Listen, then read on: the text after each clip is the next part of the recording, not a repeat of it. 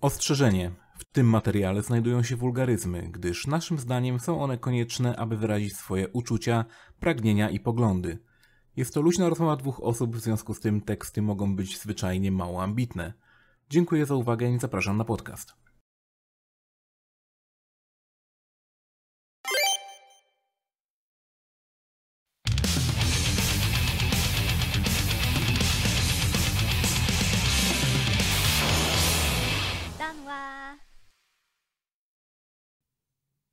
Witamy po raz kolejny w 43. odcinku Pograduszek. Jest ze mną klasycznie Konsolajte. Hello there. I jest też również klasycznie Adam. Hello there. I tak oto klasycznie zaczniemy. Dzisiaj mamy wyjątkowo dużo y, głupotek, że tak powiem. Um, Gruby podcast. Stupid. E, no tak. Będzie, w sensie to będzie możemy ciekawie. od razu przejść do Dismantling Stupid, bo nic innego nie ma. E, możemy, ale najpierw musimy oczywiście przypomnieć o tym, że zbieramy na wyjazd do kraju kwitnącej wiśni. Nie będę tym, tym razem mówił o tym, Yy, dlaczego Adam chce pojechać do kraju kwitnącej wiśni. To widać, to widać. No. tak już tak powiem, yy, żart się przejadł troszeczkę. Oj tam, oj tam. Mi się dalej podoba. Spełni marzenie. Prosimy specjalnie dla ciebie. Ten żart jest mało złośliwy. Mało? Mam być bardziej złośliwy? Nie, to jest taka gra językowa tylko. Okej. Okay. Mhm. No dobrze. Um, przejdźmy w takim razie. This Month in Stupid, nasz ulubiony segment, który dzisiaj będzie głównym segmentem tak naprawdę. Um, rozpoczynamy tym, że na turnieju Overwatcha Um, Polacy ustawili sobie y, awatary y, tęczowe, Aha. a właściwie flagi tęczowe, no bo tam mieli mieć flagi Polski teoretycznie. Um, I grali kontra y, Arabia Saudyjska. No co oczywiście wzbudziło niemałe oburzenie. Dodatkowo jakimś cudem przez to Polakom udało się zwolnić gościa, który był casterem dla E, arabskiego jakby restreama tego, tego turnieju. Mm, to wszystko byłoby ogólnie dość dużą dramą, gdyby nie to, że w sumie i tak czy siak e, tą ligę Overwatcha chcą zamknąć. Um, doszło nawet do tego, że. Nie, no dla mnie najlepsza tak wiadomość z tego wszystkiego, że chcą zamknąć. Blizzard tak bardzo nie chce tej ligi, że są gotowi wypłacić po prostu pieniądze za zerwanie kontraktu a, dla drużyn, którzy są, które są w tej, w tej lidze. Um, będą to jakieś milionowe sumy. E, in total ma być to jakieś 116 milionów dolarów. Um, w praktyce to jest tam około chyba 6, 6 milionów na, na drużynę. Um, co jest bardzo dużą kasą jednak. Drużyna zazwyczaj ma um, 5 osób plus e, coach, plus jakiś tam menadżer i właściwie tak to się rozejdzie, że każdy by był zadowolony z tego powodu. A w praktyce ukrywają to wszystko zmianą kontraktu, który oczywiście nie będzie satysfakcjonujący. No jeśli ktoś nie podpisze nowego kontraktu, no to wtedy będą wypłacać te, e, te pieniążki. Więc tak bardzo chcą się tego pozbyć, że chcą wydać te e, przeszło 100 milionów dolarów tylko i wyłącznie po to, żeby tej ligi się pozbyć. Mm, bezprecedensowa sytuacja w sporcie, e, a z drugiej strony, no to jakby pytanie, czy w ogóle potrzebny jest e-sport w hero shooterach, które są nastawione na to, że nie wiem, za kilka lat tak czy siak wyjdzie nowy i się skończy, tak? Pytanie brzmi po cholerę w ogóle e-sport. Oj, to jest... Nie no, ja jestem fanem e-sportu, szczególnie w y, Counter-Strike'u i to jest akurat gra, która już od, o Boże, od ilu lat? Od kiedy właściwie powstało pierwszy Counter-Strike, to, to cały czas się toczy i cały czas trwa. Um, ludzie chcą to oglądać, no bo to jest skill-based, a nie o, ja sobie wziąłem takiego herosa, który kontruje ciebie i y, udaje, że strzelam, tak? Tylko Evo. No i oczywiście Arc Systems of Tournament. No bijatyczki już są w ogóle kompletnie inne, jeśli chodzi o e-sport, no bo zawsze wychodzą jakieś tam nowe. Ale core gameplay zostaje ten sam, a to, że wychodzą nowe bijatyczki, no to właściwie jest tylko i wyłącznie powodem tego, że um, no to się tak jakoś nie, nie mają pomysłu na inną monetyzację gry niż na to, żeby po prostu ludzie ją kupili. Albo kupili DLC-ki. jakieś z postaciami, season passy i tak dalej. No, plus wiadomo, grafika, ludzie lubią ładne obrazki, więc jak się technologia No ale starzeje... właśnie, ale w przypadku Counter-Strike'a y, jakoś działa ten system skinów, tak? Mm, Gdzie możesz sobie kupić skórki do broni, możesz nimi handlować. To, to wszystko oczywiście tam jakiś sobie hehe podatek pobiera e, Valve. Mm, I to jest tak milionowy biznes, że to samo w sobie utrzymuje grę bardziej niż sprzedaż gry, tak? I dlatego nie mamy Half-Life 3. Między innymi. Być może, ale za to będziemy mieli Counter-Strike Global Offensive 2. To jest ciekawe, nie? Że dwójka wychodzi tego. Tutaj niby Wychodzi dwójka i wychodzi na nowym silniku. Darek mówi właśnie, że, graf że graficzka jest istotna, a mi się właśnie wydaje, że w przypadku e-sportowych gier graficzka jest mega nieistotna, nie? Istotne są klateczki.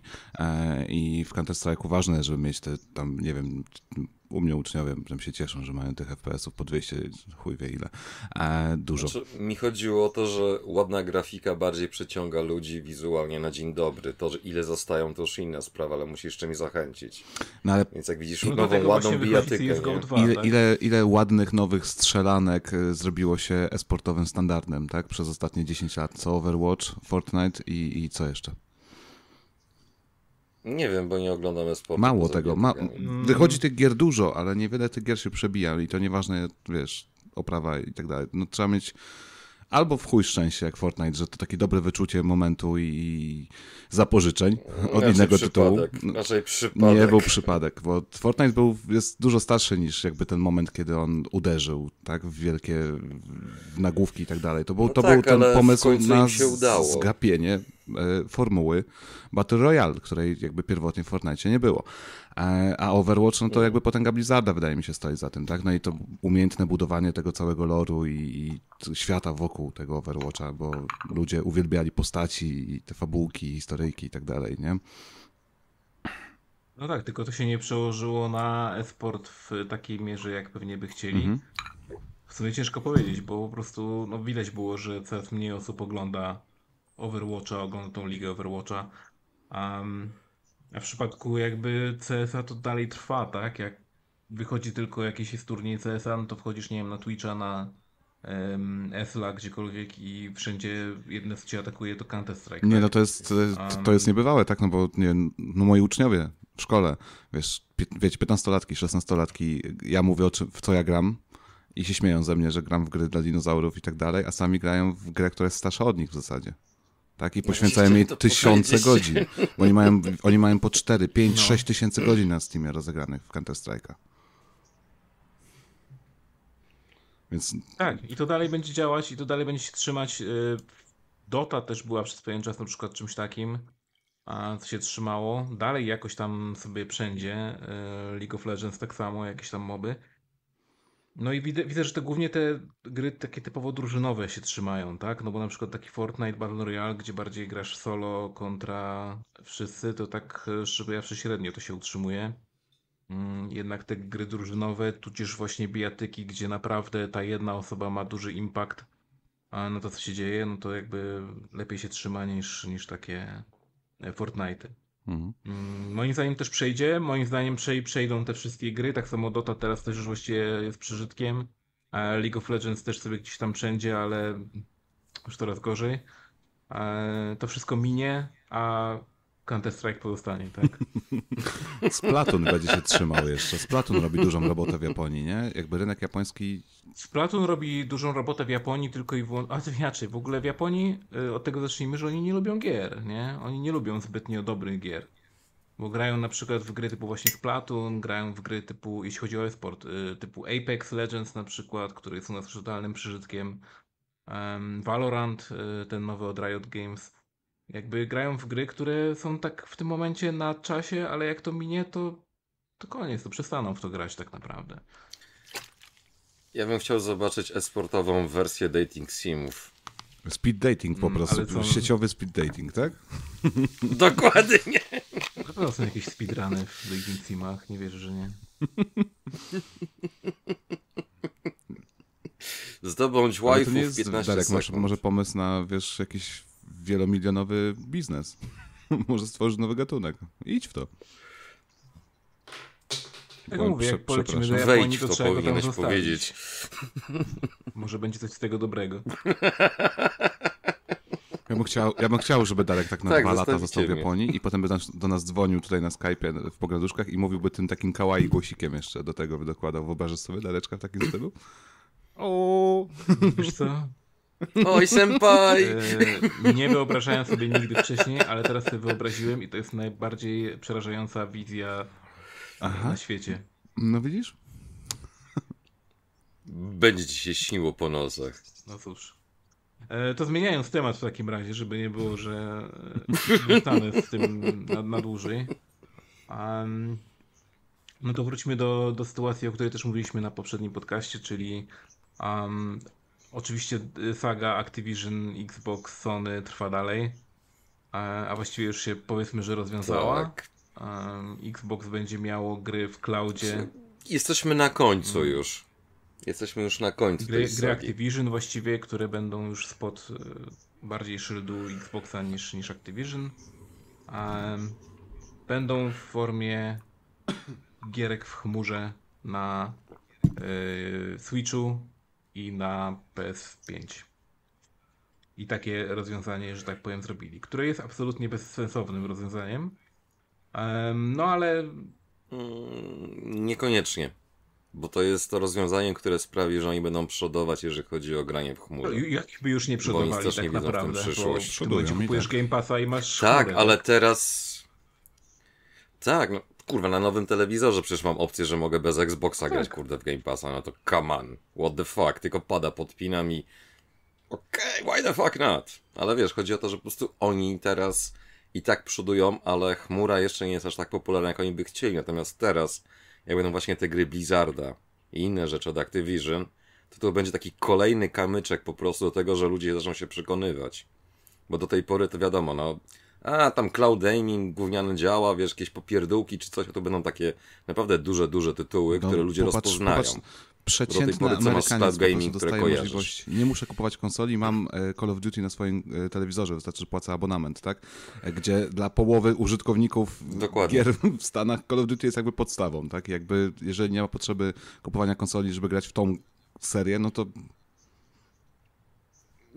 Zaraz po Madden to jest, albo nawet na tym samym poziomie, to jest kurwa gra, którą tylko oni mają, nie? To jest w ogóle Po prostu, że Call of Duty, Call of Duty tak i Madden. naprawdę, no bo em, o to się właśnie spruli, że tych gier może nie być na, na platformę e, Sony, e, od kiedy Xbox przejmie Activision, że na przykład właśnie nowego koda nie będzie.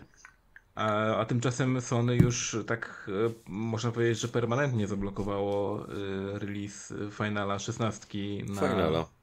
e, konsolach Microsoftu, więc jakby w tym momencie będzie można zagrać tylko i wyłącznie na PC, jeśli już będziesz chciał i jak już wyjdzie. No a na Xboxie po prostu się nie pojawi, bo zostało posmarowane, żeby się nie pojawiło specjalnie, tak? I Plus jeszcze jest to fajne, że dzięki tej całej akcji w sądzie i tak dalej wyciekła cała masa zajebistych informacji, które do tej pory były tylko jakby trochę na domysłach, a teraz to jest potwierdzone mocno. Czyli, że te gry kosztują w chuj kasy i one praktycznie na siebie nie zarabiają na dłuższą metę. I drugie najważniejsze, że ludzie, którzy się zajmują tym wszystkim, nie mają absolutnie zielonego pojęcia o czymkolwiek. Bo tam było, że Switcha nie nazywali konsolą. I to było Nintendo. na zasadzie what the fuck. po prostu Nintendo. Tak. I. Nie, ale to wiesz, argumenty jak tam się czytało, bo wiadomo, żeby to wszystko przeczytać, to to kurwa życia nie starczy. Plus jeszcze musisz znać się mniej więcej pi razy drzwi, jak to tam działa, bo to wiadomo, że ten żargon z gatunku kolor zielony to kolor zielony, ale pół godziny później dopiero się dowiaduje, że to jest kolor zielony, bo ktoś tak nawija w tym sądzie, że ja pierdolę, ale o co chodzi, nie? Więc what the fuck. I cieszy mnie to na swój sposób, bo wyszły właśnie wszystkie te rzeczy, o których żeśmy gadali, typu właśnie, że Sony jest takie prokonsumenckie od siedmiu boleści, kiedy tak naprawdę nie jest i to oni blokują. Więc Tak. w środku, w Karma środku tego wraca, nie? powiedział kot. walcząc o, o to swoje Call of Duty, mówiąc, że e, e, blokowanie i tak dalej, przyjebali e, jakby Final Fantasy XVI na wyłączność, nie? I tak, tłumaczenie może być takie w zasadzie, a bo, bo siódemka, ósemka i dziewiątka były u nas.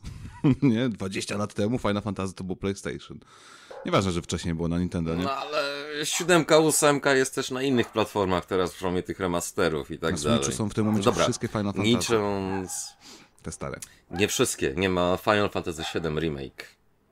I nie ma Final Fantasy Type Zero i O, 13. Type Zero, Type Zero by, innych. by było trochę szkoda. ale 7 remake to tam. Ale co no, 13 nie ma na... Mówisz o Xboxie? O Switchu. O Switchu. A, 13 Switchu, nie ma, nie? Trylogii. tak. Mhm.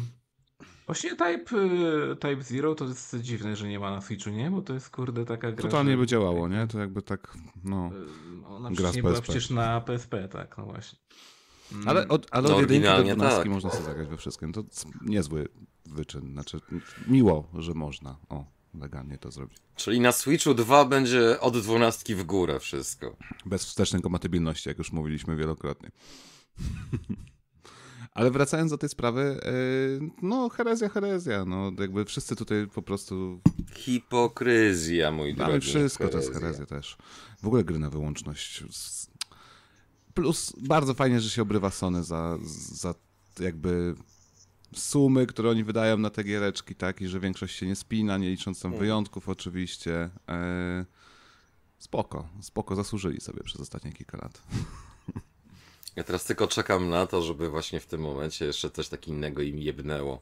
Że na przykład kupią jakąś gierkę za jakąś taką kupę kasy na wyłączność i będzie coś takiego, jak się nazywało? Babylon's Fall chyba, nie?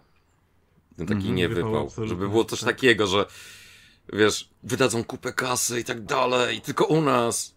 I po paru miesiącach adios. będzie, nie tak ma. będzie z tym, co oni wydadzą, e, jakby włożą mnóstwo kasy w jakiś projekt Bungie, który będzie czymś takim moim zdaniem.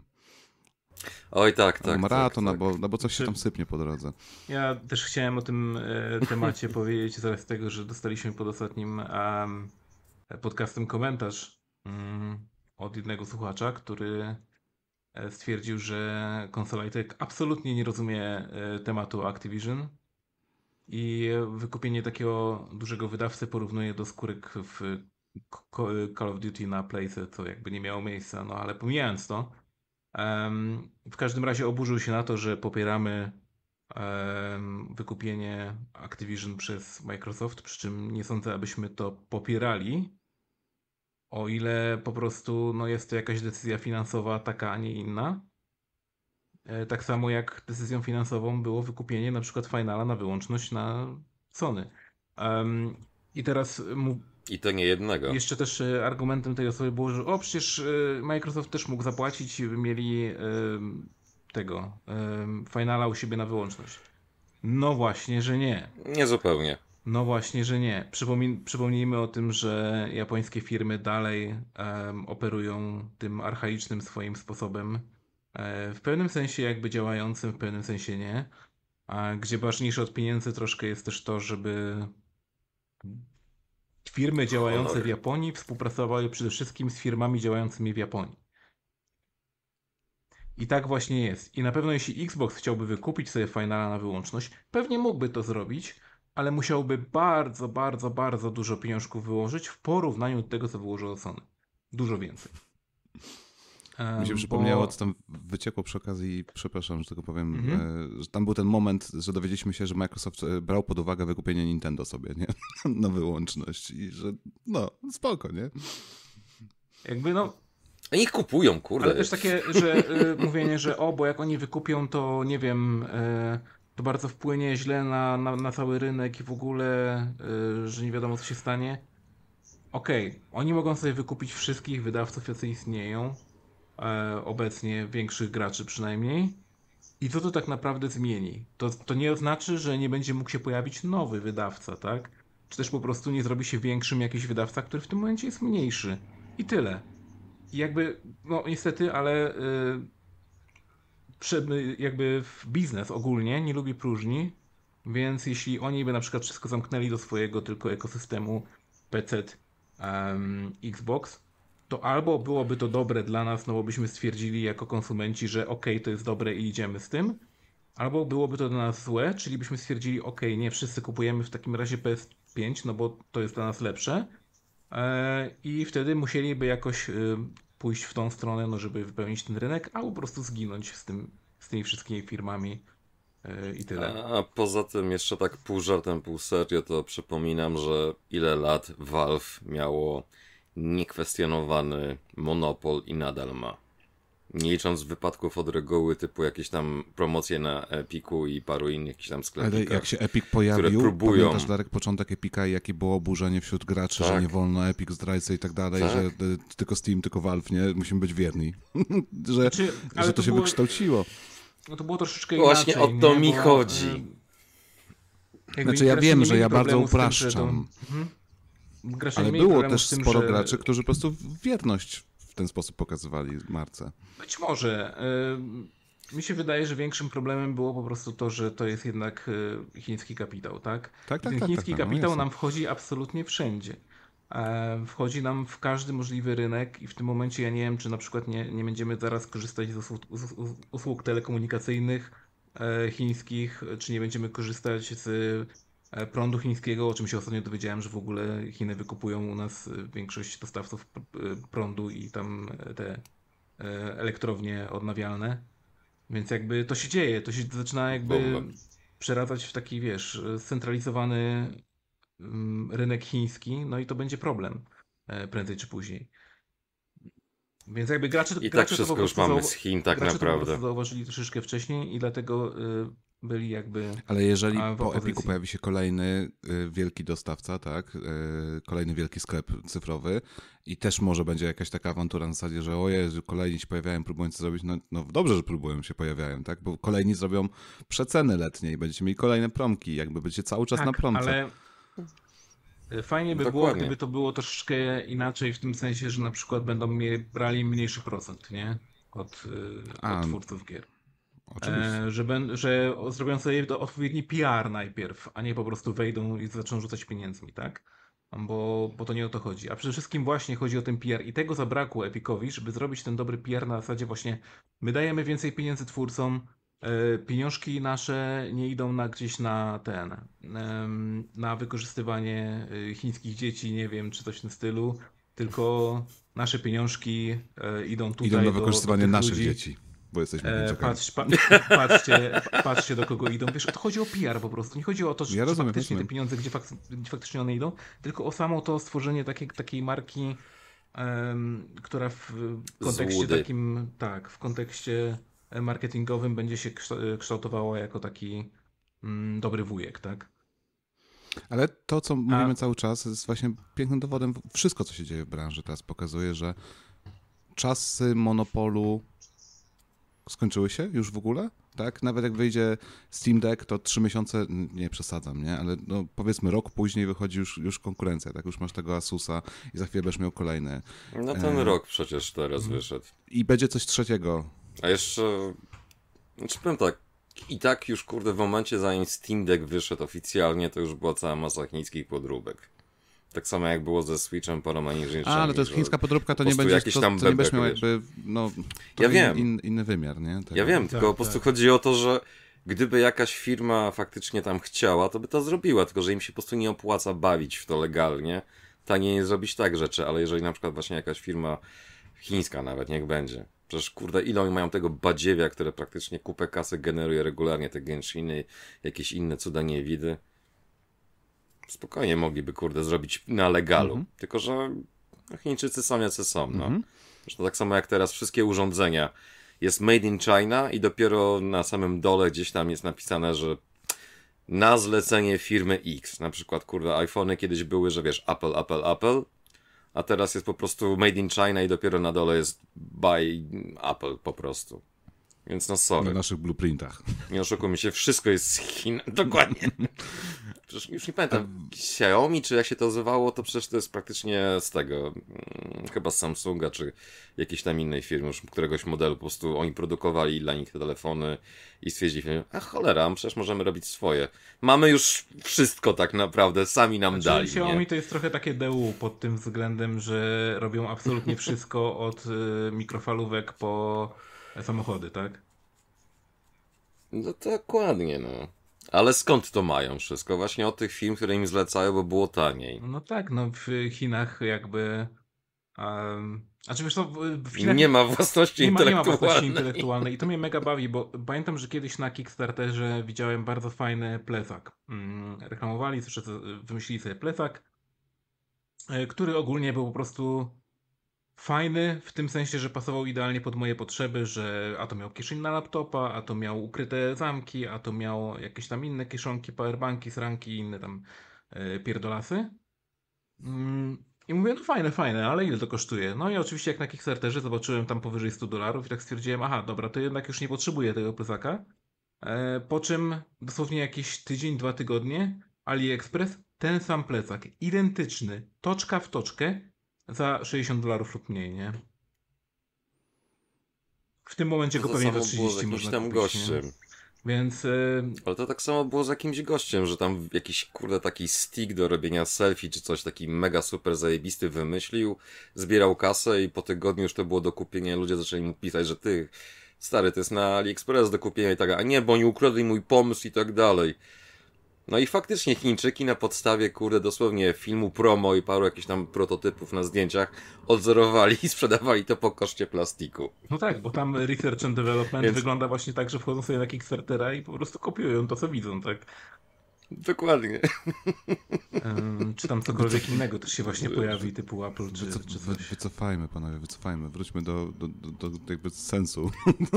do, tego, co było. Ale, tylko ja Do giereczek. Po co wycofuję, żeby, żeby powiedzieć, że e, powtarzamy to wielokrotnie już któryś miesiąc z rzędu. Nikomu się w Microsoftie nie będzie przeliczało usunięcie Call of Duty zupełnie z PlayStation. Od zawsze to było wiadomo. Za dużo pieniędzy w Ale- tym siedzi. Przecież to tak samo pisałem. No Chodzi tak, o pieniądze. tak, jasne. Ale lepiej, teraz, To nie jest Nintendo. teraz będzie to nie jest Nintendo. z Sony e, i to nie przez Microsoft. Tylko właśnie przez Sony, bo oni przecież powiedzieli, że nie będą dawać devkitów, tak? Nowych. A no tak, była ta absurdalna akcja, że oni nie dadzą, bo wtedy Microsoft ukradnie im technologię czy coś. Tak, no. Przez co gry właśnie. Ja, nie no. To... Jeszcze rozumiem, gdyby to były te czasy, powiedzmy tam, nie wiem, 30 bitu, że faktycznie każdy sprzęt miał bardzo specyficzną architekturę i to było, no wiadomo, inne komponenty i tym podobne. Ale teraz te konsole to co to jest? To są te same komponenty od często organizacji samych producentów. Wszystkie tylko trzy wiodące troszkę konsole inaczej to jest złożone. kapacitowe po prostu rzeczy poskładane ze sobą, tak? W innym pudełku. Devkity w Dokładnie. tym momencie Play- PlayStation wyłącznie 3 po nas to, nauczyło, żeby- że nie ma sensu tworzenia własnej architektury, bo, bo tylko się traci na tym, nie? Tak. Devkity są w tym momencie tylko i wyłącznie Oj po tam, to, żeby oj tam. gry po prostu pod ten sprzęt i tyle. Pamiętaj, Cell jest tak zajebiście potężny, że będzie operować całym twoim smart domem. E, tym, tym jednym rdzeniem, który jest uszkodzony w 90% konsol, Dokładnie, dokładnie. czy tym drugim rdzeniem, który służy tylko i wyłącznie do UI w menu. No anyway. Nieważne, ale po prostu ja będę pamiętał zawsze ten Cell, nie? Że Tak, no, wszystko potrafi, wszystko zrobi, jest zajebisty. Osiem rdzeni, nie w kij dmuchał. Dekadę później Cell nikt nie pamięta. Sony chce, żeby wszyscy zapomnieli, tak jak Nintendo chce, żeby wszyscy zapomnieli o Virtual Sami Boy. nie są w stanie e, poradzić sobie z tymi grami, muszą emulować to w chmurze, tak jakby nie możemy sobie zagrać normalnie w te giereczki, bo to wszystko jest takie rozpierdzielone w ogóle z tego PS3. Spoko, spoko. Ja mam Czy nadzieję, tam że... się wszystko trzymało na silnej i dobrą wiarę, jeżeli chodzi o kwestię kodu. Właśnie, bo I to jak dobrze jest poszło. tutaj osoba na tym podcaście, która posiada Virtual Boya i się tym nie, nie chwali za bardzo. E, w związku z Nie, tym to e, chyba tutaj warto by było, żeby ktoś w komentarzach e, napisał, czy, czy chce e, recenzję, czy też e, ogólnie taki, taki filmik z e, oglądu Virtual Boya. Jednak jest to jakby nie było rzadki sprzęt w tym momencie. No. No, według pewnego specjalisty z giełdy retro, to może kupować je na kilogramy i tak dalej, nie? Więc... No dobra, tam każdy może kupować wszystko na kilogramy i za y, 50 pesos, tak? No, A masz też op- oprócz tego Virtual Boya jeszcze te, te wszystkie dwie gry fajne, które były na tej konsoli? Czyli Oczywiście, Tennis i, i Wario? oczywiście, Wario jest Wario najlepszy. super, to jest bardzo dobra gra. E, Wszystkie dwie dobre gry. Znaczy nie dobre, tylko fajne, tak? Znaczy, jeszcze Blockout jest niezły, nawet ci powiem. A, Okej. Widzisz, nie grałem, przepraszam. Nie było dane. Nikt nie grał.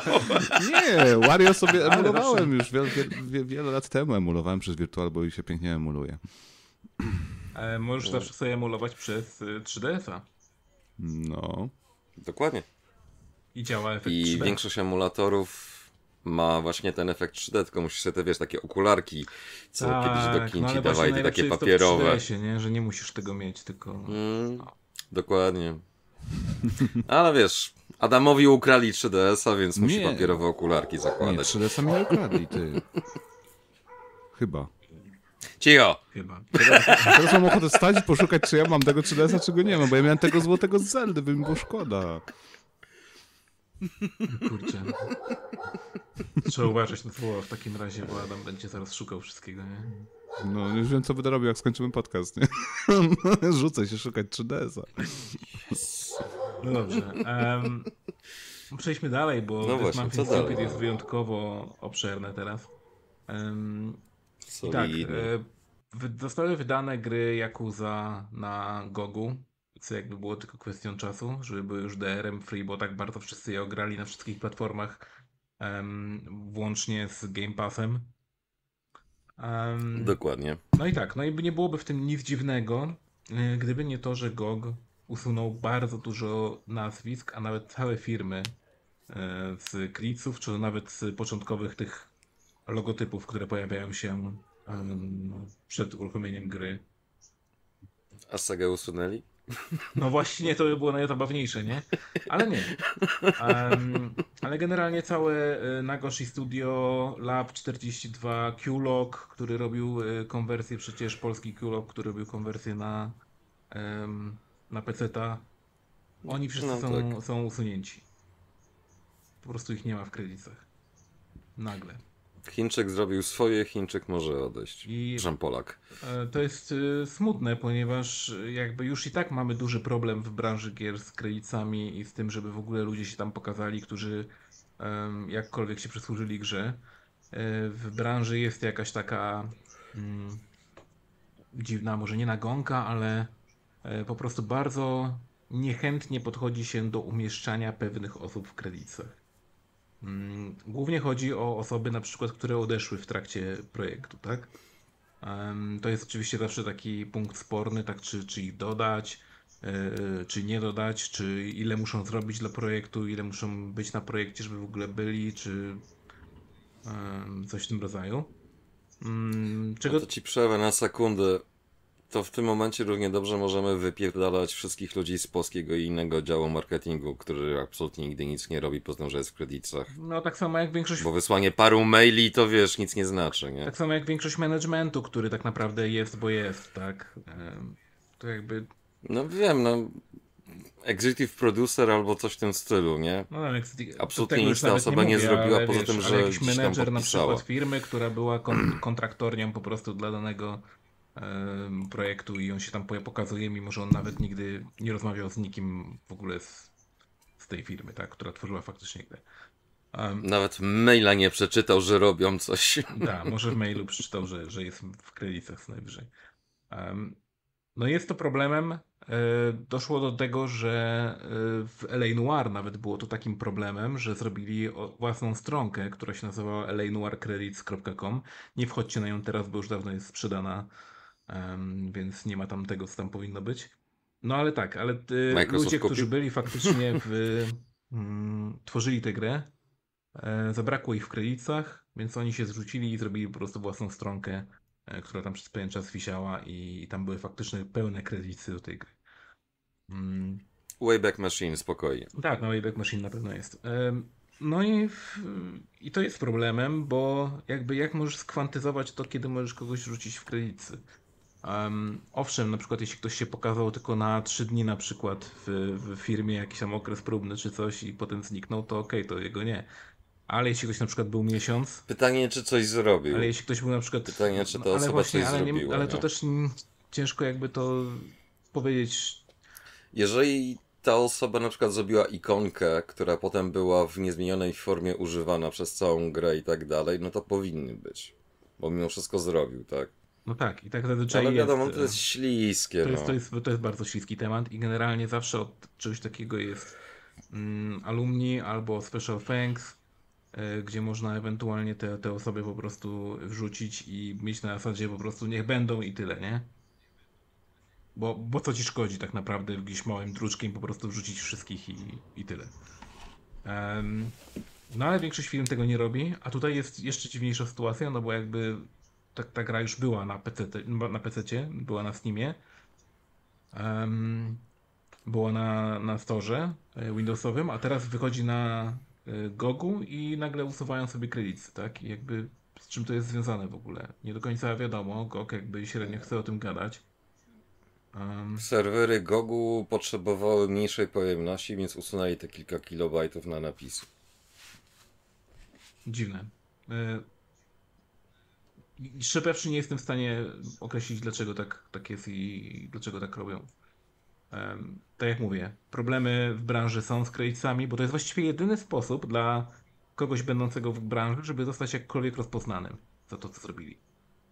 Więc te kredyty są No, cholernie żeby mieć ważne. pracę po Są prostu. cholernie ważne. Ale to nie jest trochę też związane z tym, że wrzucamy na tego Goga grę, która ma na przykład 10 lat, 12 lat i, No że, i- i że część tych firm, które są w tych logotypach już może nie istnieć i albo się zmienia zarząd, wszystko się Ale zmienia. to nie ma znaczenia. E, ja rozumiem.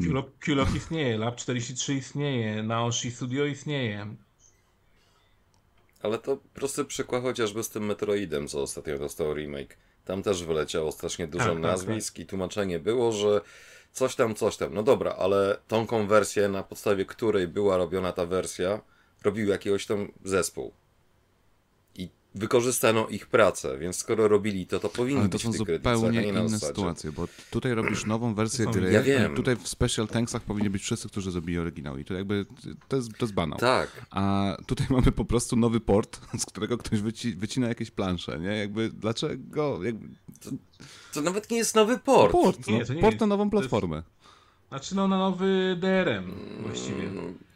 No właśnie, znaczy bez DRM-u, no. No. Usunęli DRM i przy okazji usunęli kredyty. A może po prostu im się, a może im się zwyczajnie jebło, wiesz, tak na zasadzie, że i oni tak siedzą w tym gogu i, i tam jest to jest taka wymiana mailowa. Ej, Andrzej, weź wejdź tam sobie kurwa na ten, na GameSpota, nie? On wchodzi, patrzy i, a to jemu się jebło po prostu. Wiesz, palcem, palcem mu gdzieś poleciały gdzieś w trakcie tego wszystkiego. No mówię, śmieję się, że jak usuwali DRM, to przy okazji zaznaczyli jeszcze część kredytów do usunięcia. No i oni tak, nie, nikt nie zobaczy, Albo było nie? podlinkowane. Ale tak. Nie, już wiem! To było tak, że DRM, tak jak w Photoshopie jest ta ikonka łańcuszka, że masz warstwy połączone. To po prostu kliknęli, tak, usuń wszystko i po prostu razem z DRM-em poszły kredyty.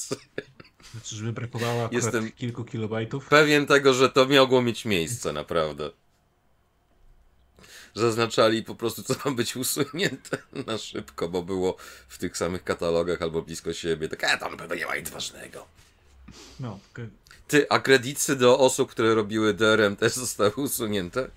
e, nie ma takich e, kredytów przypewszy. To jest akurat, wiesz, poza... Nie no, jest coś takiego, że tam masz zabezpieczenia i tak dalej. No to by w takim razie Gaben był że- w każdych technologia. nie? Na PC, więc może nie.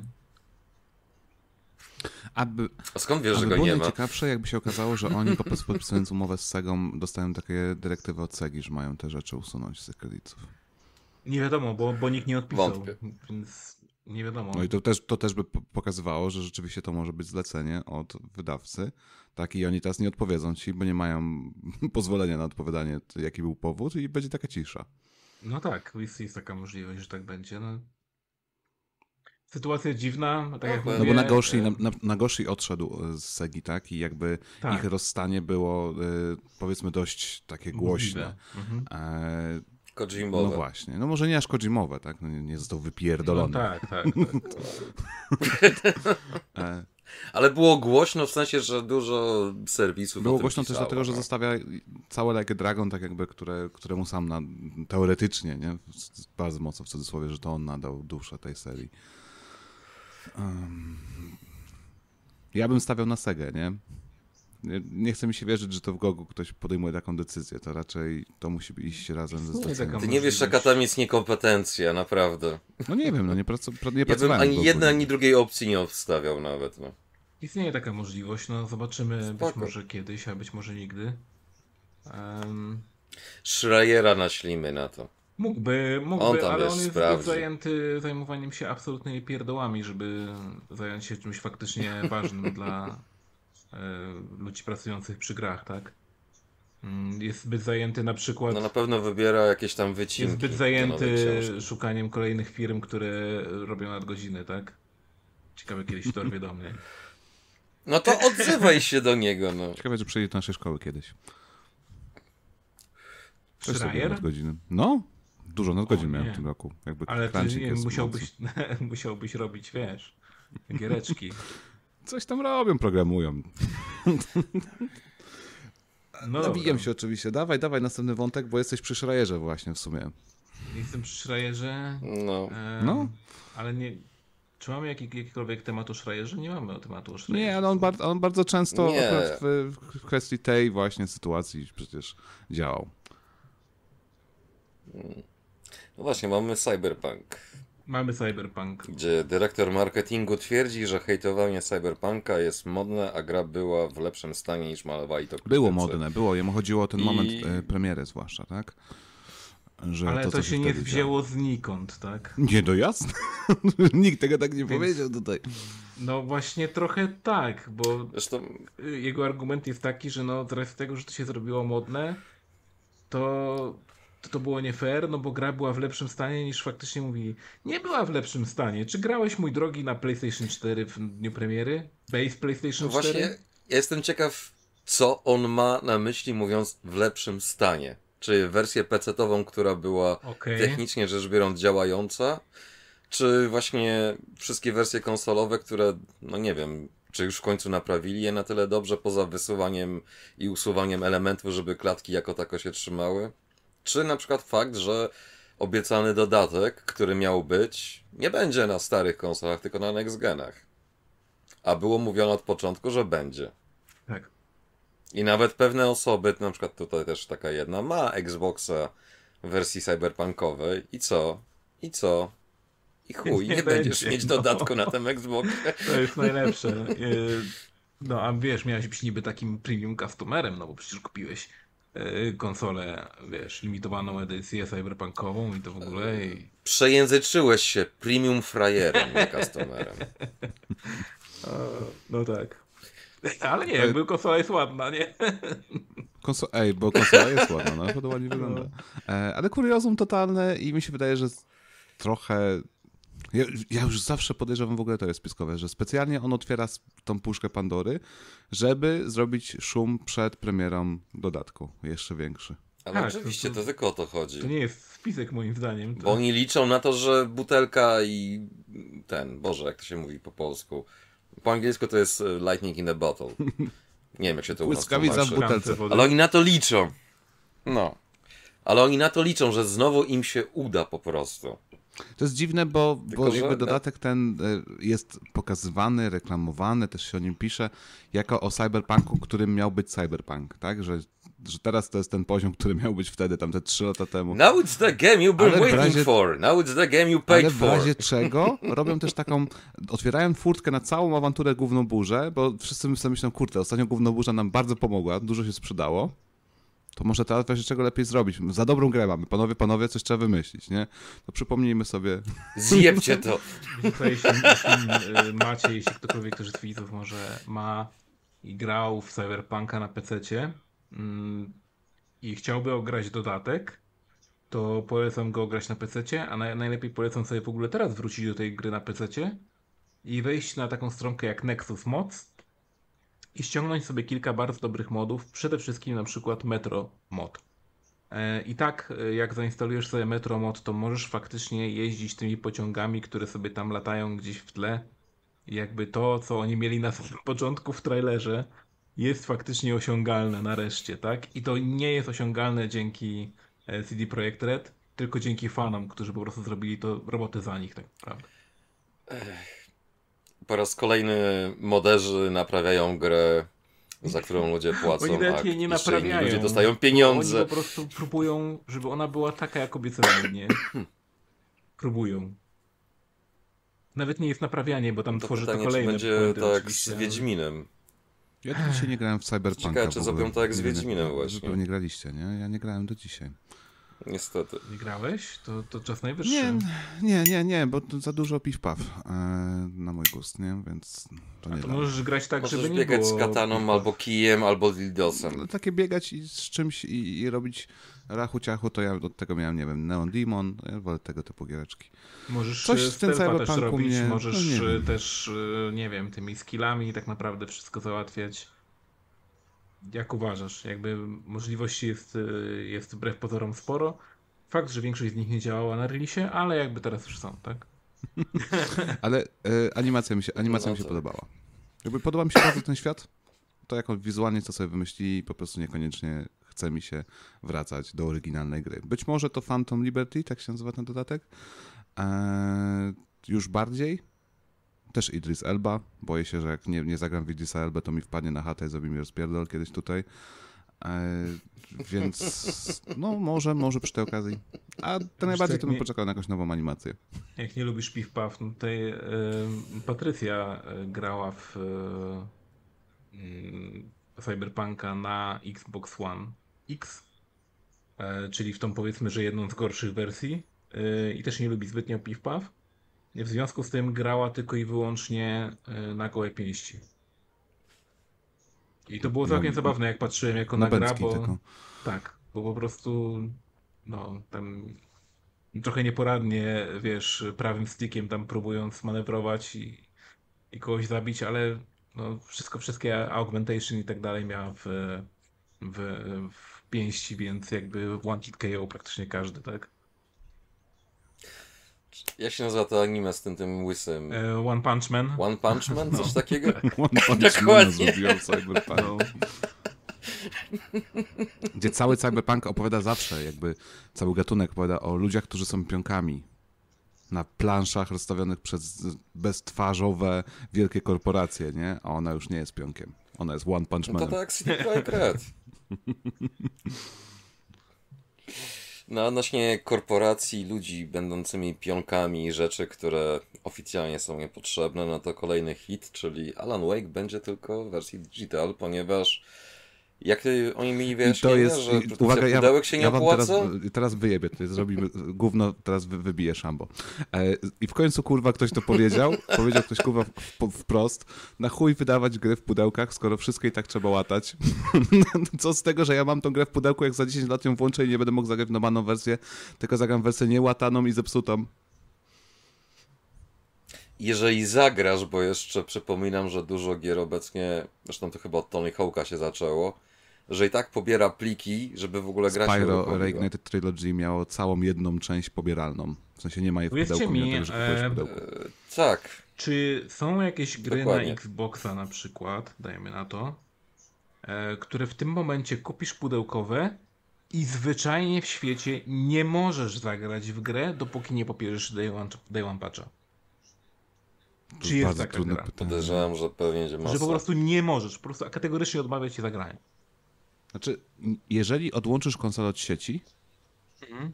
to technicznie żadna gra ci nie może zablokować grania. Chyba, że jest sieciową grą. E, The future is now. Czekamy Alan do Wake, tak, jesieni. e, żeby nie było, Remedy, Remedy e, dobrze powiedziało e, w pewnym sensie.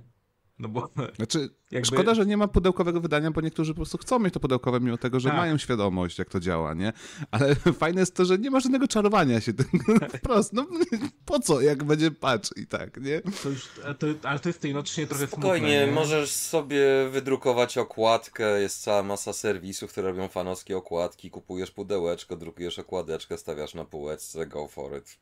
Dobrze wiesz, A że to nie wafelek możesz samo. sobie sam zrobić. W każdym razie A płytę wiem. możesz sobie wydrukować 3D, no ja rozumiem, nie? Ale no, chyba niektórzy chcą mieć tą płytkę i zagrać. Ale Tylko, jakby, że dobrze, to ktoś, ktoś kto to w końcu powiedział, Ale że nie opłaca się wydawać już gry, mają. skoro trzeba pobrać Day One Patcha. Skoro ktoś to już głośno powiedział, to teraz niech ktoś równie głośno spyta, to czemu kurwa mać nie testujecie tych gier przed wydaniem i nie poprawiacie ich i nie robicie z nich pełnoprawnego produktu, zanim ta gra wyjdzie. Ale panie Znaczy, ja Areczku, wiem pan tutaj dlaczego, troszeczkę ale- za dużo wymaga. No, co, co to ma być? Dokładnie, no. Tu pan, co pan z jakichś lat 90. się wyrywał, że niby, co, że kiedyś tak było? Chuja było. Gry A. były zepsute wszystkie. Były zepsute jak najbardziej, a potem wychodziły s- silent, Ale dało się w nie y, grać. silent patched wersje, nie? Jakieś, jak na przykład było z Pokémon Yellow, które było poprawioną jedynką de facto. Albo Director's Cuty, czy coś w tym stylu się to nazywało czasami. Tak. Albo, du- albo DualShock Edition. Pamiętacie muzykę z pierwszego Resident Evil w Tak. DualShock? Tak, tak. Oj To, tak. to, był, to był w ogóle żart. To był w To ogóle... nie jest żart, to jest jedna z najciekawszych historii w ogóle w historii ga- No, gamingu, że gość, tym kiedyś na że, że gość był oszustem, nie? tak. Dlatego to jest Kompozytor. jeden wielki troll, nie? Zajebiste to jest po prostu. Ale e, oczywiście się śmieję, mam nadzieję, że nikt nie traktuje tego, co ja tutaj mówię poważnie w 100%, bo jest mega wkurwiony na to, że to jest tak, ale już jesteśmy tak głęboko w tym szambie, e, że już wiemy, że nie ma odwrotu, że, My po prostu się nie jak e, zmieni. gadamy o grach, to zakładamy maskę klauna, tak? Tak, tak, to już jest po prostu, no, bycie błaznem. Tak. Do następnego odcinka bierzemy te takie nosy czerwone, sobie przyczepiamy. No, Poczekajcie, i- musimy się do, normalnie ubrać do gadania o Zakłada, zakładamy nosy i wszyscy mówimy, kupiliśmy preordery. Czekamy na preordery. Sięgam, ta gra będzie dobra, nie? E, ale spoko, spoko, spoko. Ty, moim zdaniem tak powinno być oczywiście wydanie pudełkowe, e, bo jestem po tej stronie, która lubi fizyczne wydania. E, niemniej podoba mi się ta otwartość, bo być może rzeczywiście w perspektywie 10 lat ta otwartość doprowadzi do czegoś. Tak, że może w końcu coś w tej branży się zmieni, ale to jest raczej niemożliwe, bo ta branża Nic się się zmieni. szybciej rozwija niż ktokolwiek jest w stanie ją ogarnąć, tak? Ale wiesz co, są gry, które nie wychodzą zmieni. i nie mają patchy absolutnie nigdy. Ale to nie? są gry, które robią, e, które są robione przez trzyosobowe zespoły, nie? Zazwyczaj. To właśnie gry indie są No, gotowe część- na dzień Najczęściej premiery. tak, najczęściej tak. I... Czyli Im da większa, się, tak? gra, Im większa gra, tym będzie trudniej. No i, i Wiadomo, że trudniej, ale no cholera jasna, to wszystko zależy od czegoś, tak? A no sorry, ale robiłem i, i robię przy dużych gierkach i wiem, że to jest osiągalne. To jest w pełni osiągalne, żeby nowe, duże gry wychodziły w pełni gotowe i nie potrzebowały żadnych patchy później. I to się Jestem zdarza do dzisiaj. To nie mówimy, że nie zdarza się wcale. No tak. Czy patrzę i, ta, patrzę i tak będą, Ale ale, gry są grywalne w dniu metę. premiery. to się zdarza. E, Smutne. No nie, no Grywalne, mocne słowo. Funkcjonujące na poziomie podstawowym, tak. Grywalne. grywalne w sensie działające, no to mi bardziej Ale wiesz, co tak, można, że co można grać. zrobić, kiedy e, właśnie a, każdemu, kto, kto chce zacząć e, pracę z testowaniem gier, właśnie mówię, okej, a co zrobisz, jeśli na przykład zgłosisz 200 błędów, legitnych błędów, błędów niszczących absolutnie rozgrywkę i deweloper ci na nie odpowie, że no wiesz co, we can live with that, tak? Wszystko jest na won't fix. It's not a bug, it's a feature. I co wtedy? No nie, ma, nie masz co zrobić, jakby, no po prostu gra wychodzi w takim stanie, w jakim jest, tak? I Ale to ktoś idzie testować gry, będąc takim naprawdę idealistą? tak, dużo osób, dużo osób przychodzi i Mhm. zos- zostawiam ich na szczęście. Mylisz idealizm z głupotą i niewiedzą. Idealizm e, ma w sobie coś z głupoty i niewiedzy. Ale tak, bardzo Wcale nie dużo jest osób, które, które chcą, chcą dobrze po prostu, tak? A koniec Nie no. końców... I też trochę to też wpływa na morale oczywiście ludzi, no bo ile razy, jak robisz już po raz enty test czegoś i, i te błędy się po prostu odbijają, rozbijają się o ścianę, to masz takie a jakbym po prostu tego nie zgłosił? I to jest ten moment, w którym tester zaczyna być złym testerem, tak? I, I trzeba go szybko z tego wyprowadzić. Azji, żeby daleko nie szukać. Wiesz, ile razy ja robiłem projekty na zasadzie poprawka, wysyłałem ten sam projekt i klient mówił, no teraz jest tak jak powinno być, kiedy był dokładnie ten sam projekt, który dostał tydzień temu. Same shit, że tak powiem. Jakby to, to, to też się to, to, to zdarza, No że właśnie. e, wiesz, wysyłasz tego samego baga cztery razy i za piątym nagle, nagle jest legitnym bugiem, tak? Więc wiesz. Bo teraz ktoś przeczytał maila. Tak, bo za pierwszym razem to był won't fix, za drugim razem postpone, za trzecim razem by design. e, a za czwartym razem, o kurczę, jednak się tym zajmijmy teraz, bo to jest ważne, nie? A ja mam pytanie, e, jeżeli możesz odpowiedzieć na nie, to odpowiedz. E, czy jeżeli gra wychodzi i ona spotyka się z jakąś miażdżącą krytyką pod względem właśnie poziomu technicznego, to czy firma potem wraca do testerów i zaczyna robić wyrzuty? Oczywiście, to jest pierwsze co. Zawsze są winieni testerzy. Yy, Pamiętasz CD Projekt? między innymi, między innymi dlatego my mamy coś takiego, co się nazywa baza. I w tej bazie są błędy i one są nieusuwalne. Cokolwiek wprowadzisz w tą bazę, ona tam zostaje na zawsze. Każda zmiana, wszystko tam jest.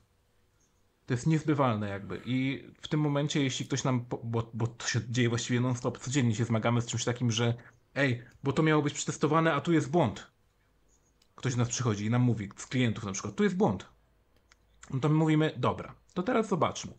Bierzemy sobie y, ten, listę buildów na przykład, bierzemy sobie build, na którym my testowaliśmy w danym dniu to, wyciągamy ten build, testujemy, widzisz, nie ma tego błędu. A teraz patrz, teraz nowy build, błąd się pojawił nagle.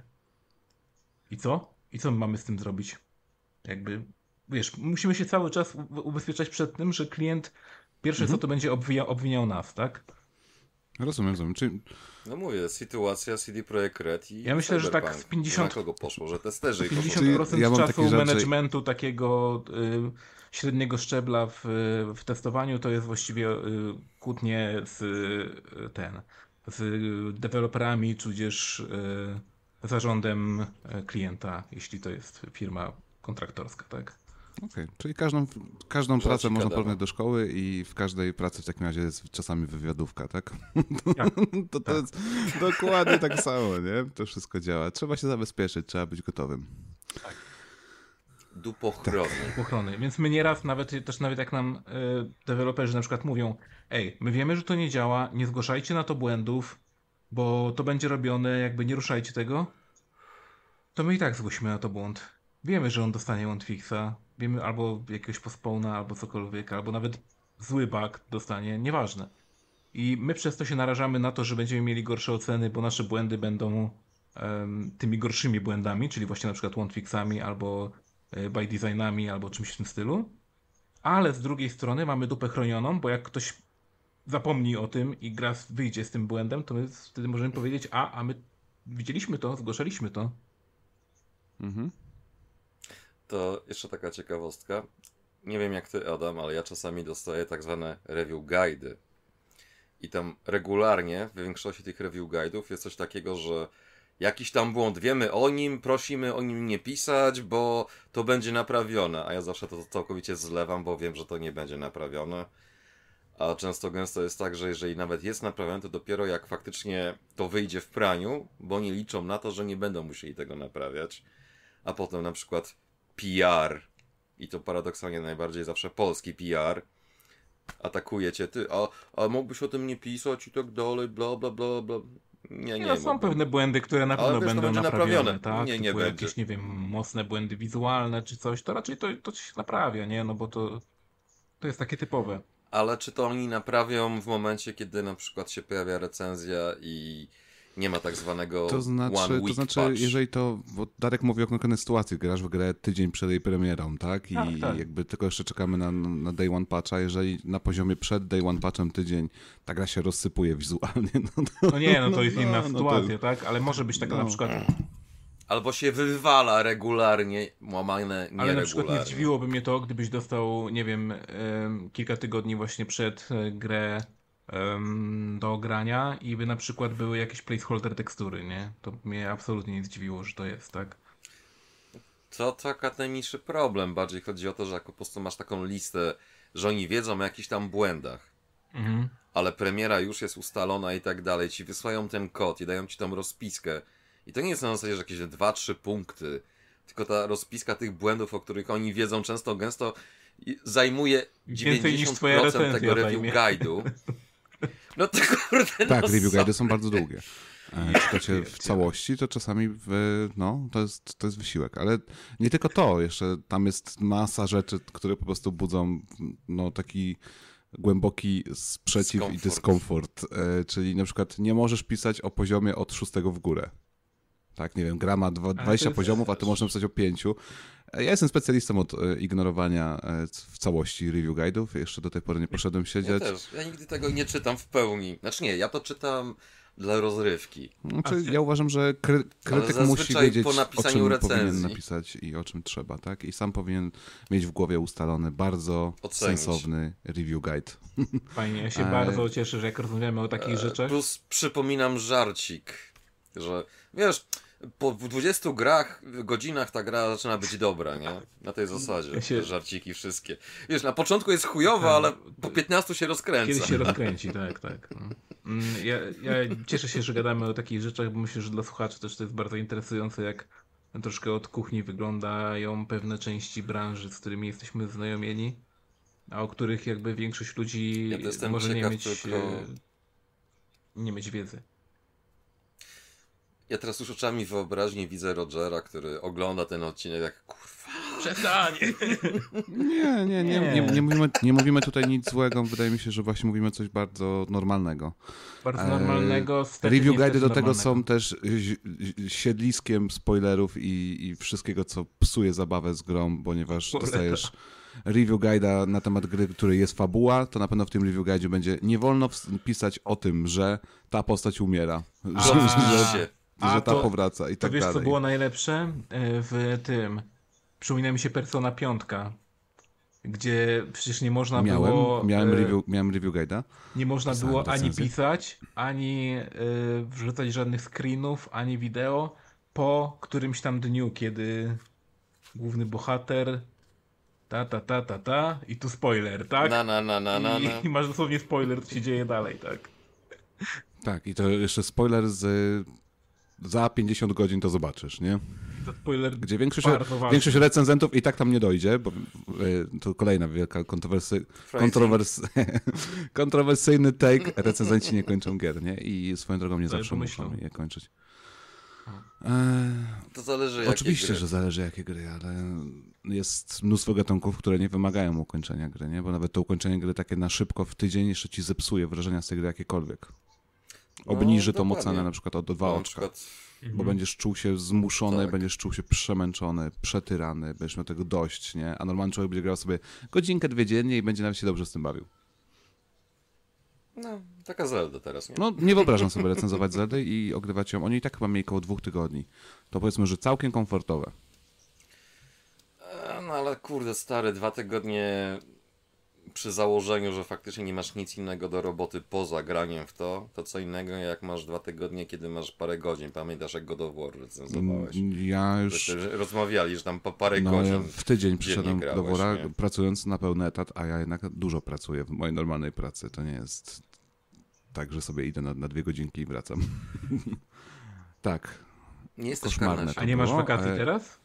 Teraz mam wakacje. No. Ale akurat to recenzowałem. No to kurde, Czyli, przechodź e, gry, Musisz w opisuj. takim razie pisać do twórców gier, że ej, bo jakbyście nie wiedzieli, to, to, to trochę tam tych krytyków, czy też um, urynalistów jest e, także e, tymi e, nauczycielami, więc jakbyście mogli wypuszczać gry w wakacje, to bym był bardzo wdzięczny, będzie mi łatwiej Nie znam, nie znam drugiego dziennikarza w Polsce, który jest nauczycielem. Cicho, nikt nie musi o tym wiedzieć, tak?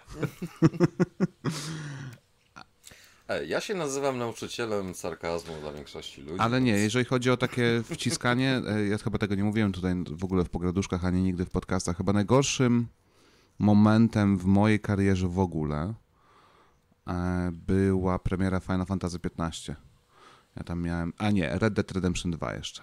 Na Red Deada d- tydzień, co nie, dwójkę, y, niemożliwe, po prostu, formalnie niemożliwe. Trzeba było w zasadzie zrezygnować ze wszystkich. Jakbyś tylko fabułę robił, to wykonałem. Wydaje mi się, że, Ale wydaje mi się że wciąż nie. Wydaje mi się, że tam fabuła to było jakieś 50-60 godzin. No ale jakbyś cisnął naprawdę mocno i mówię, przy założeniu, że nie pracujesz, tak? Czyli masz ten tydzień, że wiesz, wstajesz, nie wiem, pijesz kawę albo kawę irlandzką i Wiesz, ja w dwa dni przeszedłem... I tylko e, poganiasz tego konia. przeszedłem Death Stranding, tak? Ale przyszedłeś to z własnej woli, czy do recenzji? Z własnej woli. To jest zupełnie inaczej. Jeżeli z własnej woli pozbawiasz się snu, to robisz to z przyjemnością. Tak, to jest prawda. Eee, a jeżeli czujesz, że to jest przymuszone. I jeszcze w drugą taką historię, jak byłem korektorem w PSX Extreme, byłem korektorem tylko 6 miesięcy jakoś maksymalnie e, i to wiele lat temu. E, raz czekaliśmy na recenzję, którą zamykaliśmy numer i ta recenzja była napisana przez Michała Mielcarka, czyli Miela e, i Mielu e, rzeczywiście, bo to było widać po tym tekście, przez te kilka dni, które miał, przeszedł całe Sekiro. I po pi- 50 czy 60 godzinach Sekiro usiadł, napisał tekst, który był taki wymęczony. Było widać, że jest po prostu na granicy wytrzymałości i wysłał to, nie? I myśmy ten tekst jakoś doprowadzili do ładu i poszło, ale udało mu się, zrobił to. E, Uczuję. Nie chcę sobie wyobrażać, co to znaczy grać na tym takim rauszu recenzenckim w grę From Software jeszcze. No, Poczekaj aż Armored Core a właśnie dostaniesz. skoro mowa o Armored Core, no to y, chwileczkę przerywając Something Stupid, to warto by było powiedzieć o tym, że y, ten miesiąc, sierpień, który się zapowiada, e, będzie bardzo obfity w giereczki. Właściwie to sierpień, wrzesień. Mm, I trzeba Mm, naprawdę, trzeba nigdy. naprawdę będzie selekcjonować to, w co będziemy grać, bo będzie tego dużo. Em, wczoraj bodajże, wczoraj albo przez wczoraj wyszedł Remnant nowy. E, teraz wychodzi, no wyjdzie ten Armored Core. We wrześniu wychodzi też coś, ale już nie pamiętam co. Um, Mortal Kombat! jeszcze raz, nie było słychać? Mortal E, Kombat. W sierpniu jeszcze Baldur's Gate, tak? Trójka. O, Baldur's Gate, właśnie. Baldur's Też. Trójka też trzeba zagrać przecież, no bo jakby to było inaczej. Em, w ogóle z Baldurem też fajna rzecz, no bo to będzie gierka, która będzie miała duże wsparcie moderskie, to już jest jakby pewne. Więc coś czuję, że to będzie taki Neverwinter dwójka nowej generacji, tak? I koniecznie na PC Sea of, trzeba będzie sea of grać. Stars, dużo rzeczywiście premier. Konsola się doczeka. O, właśnie, Sea of Stars, Sea of tak. Stars to później. Starfield, 29 sierpnia Starfield, jest obecnie jeszcze napisane. Starfield to wrzesień, tak, no będzie grubo, no, no, gru, gruby sezon się szykuje. E, Będę miał co grać dojeżdżając do pracy. Zajebiście. Sea of Stars będzie na Switcha? Tak? Czy... No. Tak. No przecież na Switchu demówkę sobie A, obczaiłem. już jest jakiś demo premiery razu? Tak, tak. Tak, jest demo i takie nawet sensowne to demo na ograć. zasadzie, nie wiem, powiedzmy, że dungeon jest pełny, czy pełny, nie wiem, czy na tyle pełny, czy jest skrócony, ale odpalasz i faktycznie masz trochę chodzenia, masz trochę levelowienia, masz taki dungeon właśnie z tymi zagadkami, że tam te kryształki, cuda niewidy, kolorki, badziewia, tu jakieś coś tam i możesz nawet taką pseudo-eksplorację porobić na tak zwane znajdźki. Co jest urocze, Okej. że w tym demie masz jakby pełny obraz tego, czym ta gra będzie w założeniu tych ludzi, którzy to robią. Bo jaka będzie, to się okaże, ale jeżeli faktycznie całość będzie, tak jak jest to demko pokazane, to zajebiście. Super. To z pixel art No właśnie, to, o to chodzi. E, Okej, no to w takim razie e, warto tutaj, e, Adam dostał, że tak powiem, temat na, na ostatnią chwilę. E, A to ja chętnie opowiem tylko o nim. O, to śmiało, Mogę dawaj, tak. przejąć. Mhm. Znaczy dostał, Tak, sam sam wrzucił. rzuciłem, tak. bo y, mi ten temat y, towarzyszy w głowie, jakoś tak dużo o nim myślę od kilku tygodni, nawet pisałem sobie felieton do Extrema, to też o nim napisałem. E, Video Game History Foundation opublikowało wyniki swoich badań, e, zarówno w formie takiej pełnej do przeczytania, jak i zartykualizowanej, jakiejś takiej fabularnej, bym powiedział. E, Można sobie przeczytać e, dość niepokojące ich wyniki, nie, nie zaskakujące, ale wciąż smutne, że Wszystkie gry od zarania naszej branży do 2010 roku, to jest ważne, bo to są wyniki do 2010 roku. Gry na wszystkich platformach, które się ukazywały przez ten czas. Eee, jakby sumować to wszystko do kupy, to z tych gier 13% jest dostępnych komercyjnie w tym momencie. Wydaje mi się, ja mam takie wrażenie, że i tak jest to zawyższona, z jakiegoś powodu zawyżona e, wartość, ale 87% gier wszystkich do 2010 roku jest w żaden sposób niedostępna dzisiaj dla zwykłego użytkownika legalnie. Legalnie. E, I tam jest takie ładne porównanie, mi się bardzo podoba.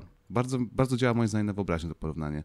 Wyobraź sobie, że chcesz obejrzeć Titanica i żeby obejrzeć Titanica, musisz najpierw kupić taśmę VHS, zdobyć używaną taśmę VHS, a później kupić sprzęt, który tę taśmę VHS odpali i dopiero wtedy będziesz mógł sobie powtórzyć Titanica. Że wideo, gry wideo są jedynym medium, które do takiego kuriozum cię zmuszają, jeżeli chcesz zagrać w cudzysłowie legalnie, bo my już wiele razy Tak. mówiliśmy o tym, że nikt, kto zarabia kupę pieniędzy na tym, że sprzedał wam starą, poszukiwaną przez was grę, nie jest związany z tą grą, tak? Nie jest osobą, która powinna za nią otrzymać pieniądze. Znaczy, no może, bo ją sprzedaje, tak? Ale no nie jest, tutaj nie ma żadnych tantiemów za, za, za dzieło dla twórcy.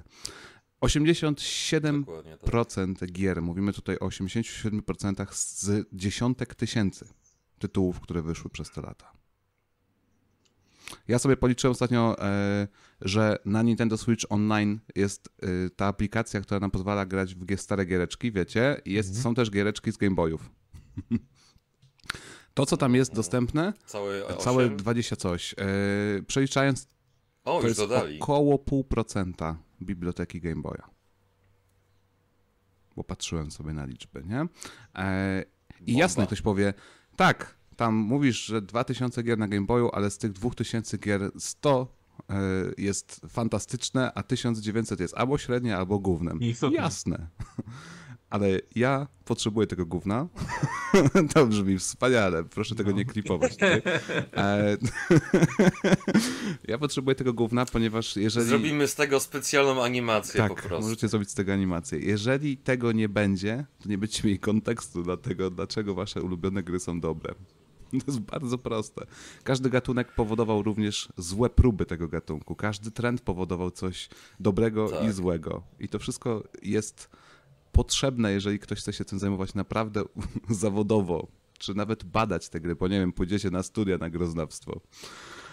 Eee, do czego Ale zachęcam? to nie o to chodzi. Jeżeli nie masz porównania gównianych gierek do dobrych gierek, bo masz tylko i wyłącznie tak zwaną śmietankę, to potem nie ma żadnego punktu odniesienia, co jest dobre, a co nie, bo jesteś przyzwyczajony. Oczywiście, plus do, Ale to jest tylko jeden argument w w morzu, morzu, w gigantycznym morzu tym, argumentów. żeby coś tak, tak. tak. Każda seria, ktoś powie, ale że mam 30 gier w jakiejś serii i te, które są dostępne na moich platformach dzisiaj, te 6 to są te właśnie perełki. Jasne, ale ja chcę mieć dostępne wszystkie.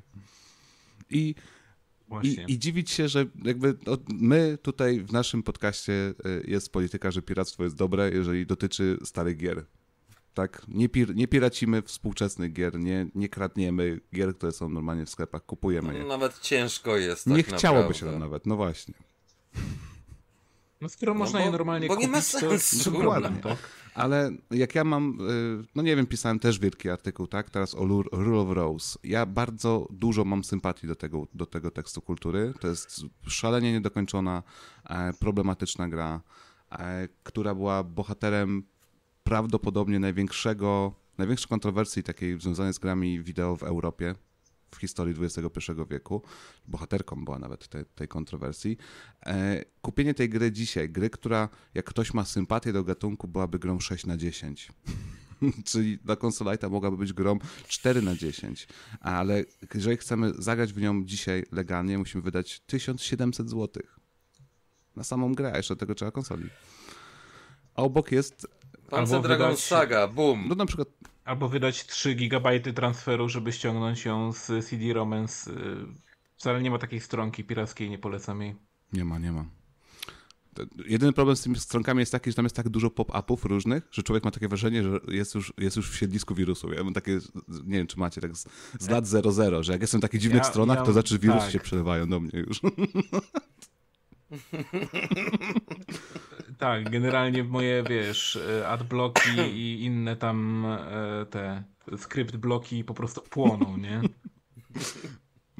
Kill No one mają taką, właśnie jakby można było je z- dać, zanimować, one by tak stały takie obrońca, nie, że trzymają taką kruszącą się ścianę i że masz jeszcze 20 wiesz- sekund, nie wiem co nie Wiesz, wytrzymam. bardziej to przypomina? This is Sparta. Przypomina, Hold. Nie wiem, czy kojarzycie ten e, typową sztampę każdej właściwie e, każdego action filmu e, z Ameryki, czyli ktoś, kto przecina drzwi metalowe, nie? Mhm.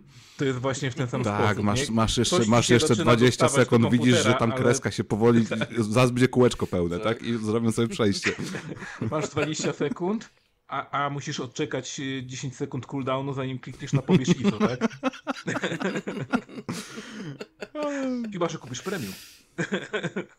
Oj, oj, no, ale y, no wciąż No. dobrze, że ten temat się pojawia, dobrze, że zrobili to badanie i że tam garść youtuberów e, ten temat podjęła e, i że o tym się mówi. Mówmy o tym, Tym my w tym my. Podejmujemy ten temat powiedział cały czas. garść. powiedział garść. Znaczy, mi chodziło o tą garść jakby tych istotnych youtuberów, którzy nie są nami, No nie? tak, na nie, retro, retroplankton YouTube'a. Typu Dobra, Adam, wiem, tak. self-disy to jest twoje drugie imię. Nie, nie, nie, no ale jakby, no, nawet mamy po, polski podcast, no to nie jest to duże grono odbiorców, nie? Ale e, No tak. część amerykańskich, anglojęzycznych youtuberów też zrobiła na ten temat materiał i dobrze, że ten, że ten wątek się po, pojawia, nie? Wiadomo, że nic się nie zmieni. Bo na to już jest za późno, No żeby cokolwiek się zmieniło. Ale oni też walczą o to, żeby po prostu zwyczajnie Znaczy- to archiwizować, tak? Żeby był dostęp gdzieś. I ja, być może nawet nie dla każdego, chociaż powinien każdy mieć dostęp, bo oni mówią, że powinno to działać jak biblioteka wiesz, w końcu. jest- Tak, że, że każdy powinien mieć prawo no tak. Korzystać z tych rzeczy, bo zwyczajnie zasługujemy też na wiedzę e, i trzeba móc badać. No, co mówisz? No, wyobraź sobie, że na przykład jest jakaś książka i nie możesz jej przeczytać, bo po prostu już nie ma fizycznie żadnego egzemplarza poza jakimś tam, nie wiem, wrzuconym do muzeum za jakąś gablotką, że pół metra podejdzie jest, od razu jest alarm. taki problem bardzo często w ogóle w literaturze. Jest taki E, problem. I trzeba tak, wtedy pisać tak. listy i tak dalej, zdobywać pozwolenie na, na zerknięcie do, do, tej, do tej kopii, na digitalizację tej kopii i tak dalej, nie? Nawet wśród nowych No. e, premier czasami brakuje po prostu fizycznych egzemplarzy, bo wyszło 3000, 4000 i już od kilku lat nie było wznowienia i jak to zdobyć? Musisz kupić właśnie na rynku wtórnym za Dokładnie. trzy razy więcej. Albo poszukać skanu, jeżeli ktoś był na tyle miły, że zrobił Mhm. to. Tak samo jak ze starymi gazetkami i całą masą innych rzeczy. Dokładnie tak. E, dobrze, Ale ja bym był w takim zmieni, razie... korporacje na to nie pozwolą. Bo pieniądze po prostu. No, teoretycznie tak, ale wiesz, jakby po prostu to trzeba zmienić stary e, ten system prawny, który mamy obecnie odnośnie starych em, gier po prostu. I bo gry jakoś z jakiegoś powodu są troszkę inaczej traktowane niż inne e, dzieła kultury w tym kontekście. No, nie? na przykład e, w Polsce Niekoniecznie jest cała masa Polsce, filmów, które e, są po prostu filmy utracone. są archiwizowane, tak? Książki są archiwizowane. Na Mhm. przykład istnieje Biblioteka Narodowa, która ma po egzemplarzu każdej książki, która wyszła w Polsce. Powinniśmy walczyć o coś podobnego w przypadku gier, żeby też to nie zaginęło, żeby kiedyś w wyniku jakiejś dziwnej akcji prawniczej, która usunie połowę portali z romami z internetu albo wszystkie, żeby nagle się nie obudzić z tym, że ej, w sumie to nikt nie ma kopii. Że jest, jest, Będziemy jest, jest, jest, jest taka minimalna, taka minimalna szansa jest na to, że jakby usunęli, wiecie, wszystkie ze strony z romami i na przykład ktoś potrzebuje akurat Ship Dog and Wolf e, z PSX-a e, i akurat w tym momencie nikt, kurwa, na całym świecie tego nie miał pobranego. Wyobraź sobie, że ty, nie wiem, piszesz gdzieś na jakimś telegramie na przykład, nie, że ej, ma ktoś tą gierkę, ktoś pisze, ty, spotkaj mnie przy centralnym, będę na peronie takim. Em, znajdę cię, nie, znajdę cię. I to wiesz, Ktoś podchodzi, daje ci pendrive'a, taka- nie, ty mu dajesz tam 300, dokładnie nie, taka brązowa koperta i wiesz, wymiana. nie? banknoty takie zwinięte w rulon, tylko mu dajesz, nie. Nie, albo gościu się przebiera za tego sprzedawcę rezydenta. What are you buying? I, I ty tutaj nie kurde, wiesz, jakiś, nie wiem, dopóki- Game Boy ROMs, coś tam, coś tam. Dopóki nie pójdziesz do domu, bo przecież publicznie nie odpalisz tego, tak? Jakby nie otworzysz laptopa i nie odpalisz, żeby każdy zobaczył, więc dopóki nie przyjdziesz do domu i nie wetkniesz tego pendrive'a, to nie wiesz, co nim jest, tak? To trochę jak właśnie z kupowaniem nielegalnie zioła na przykład, czy coś, nie? Jakby nie wiesz, co jest, nie? czy to paprotka, czy, czy teraseta. No. E, to dobrze, to dobrze. To już mój, mój Coś wątek tak, jest zamknięty. jest. Warto sobie zerknąć oczywiście na ten artykuł Absurd. Oczywiście absurdy, w ale jakby nieraz się z podobnych absurdów śmieliśmy, a potem one okazywały się w jakimś tam mniejszym lub większym stopniu prawdą, więc mam nadzieję, że tak nie będzie tutaj i że ktoś faktycznie się za- zaopiekuje tym, żeby mm, gry dostały e, miłość, na którą czekają po prostu. A teraz jeżeli chodzi o gry pobierane z dziwnych stron, które y, pocą adblocka, to spokojnie można przejść do naszego retrokącika. E, A zanim przejdziemy do retrokącika, e, tym oto pozytywnym akcentem chciałbym zaproponować przerwę krótką, więc widzimy się za kilka minut. We'll return after these messages. Keeping up with the Commodore? 'Cause the Commodore is keeping up with you. In a world of fun and fantasy, and ever changing views, and computer terminology, Commodore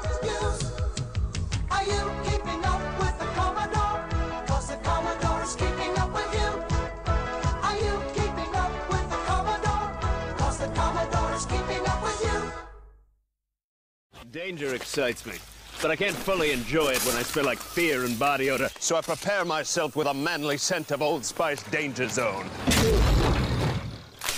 Because even if something bad does happen to a Danger Zone man, it won't smell like something bad happened.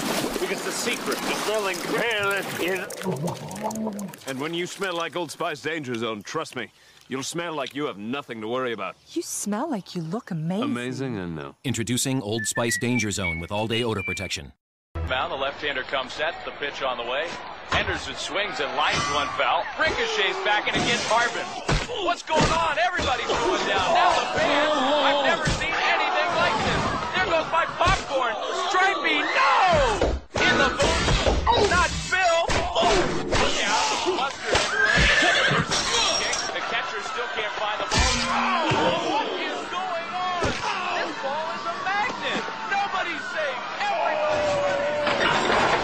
Rolling Rock? Yes.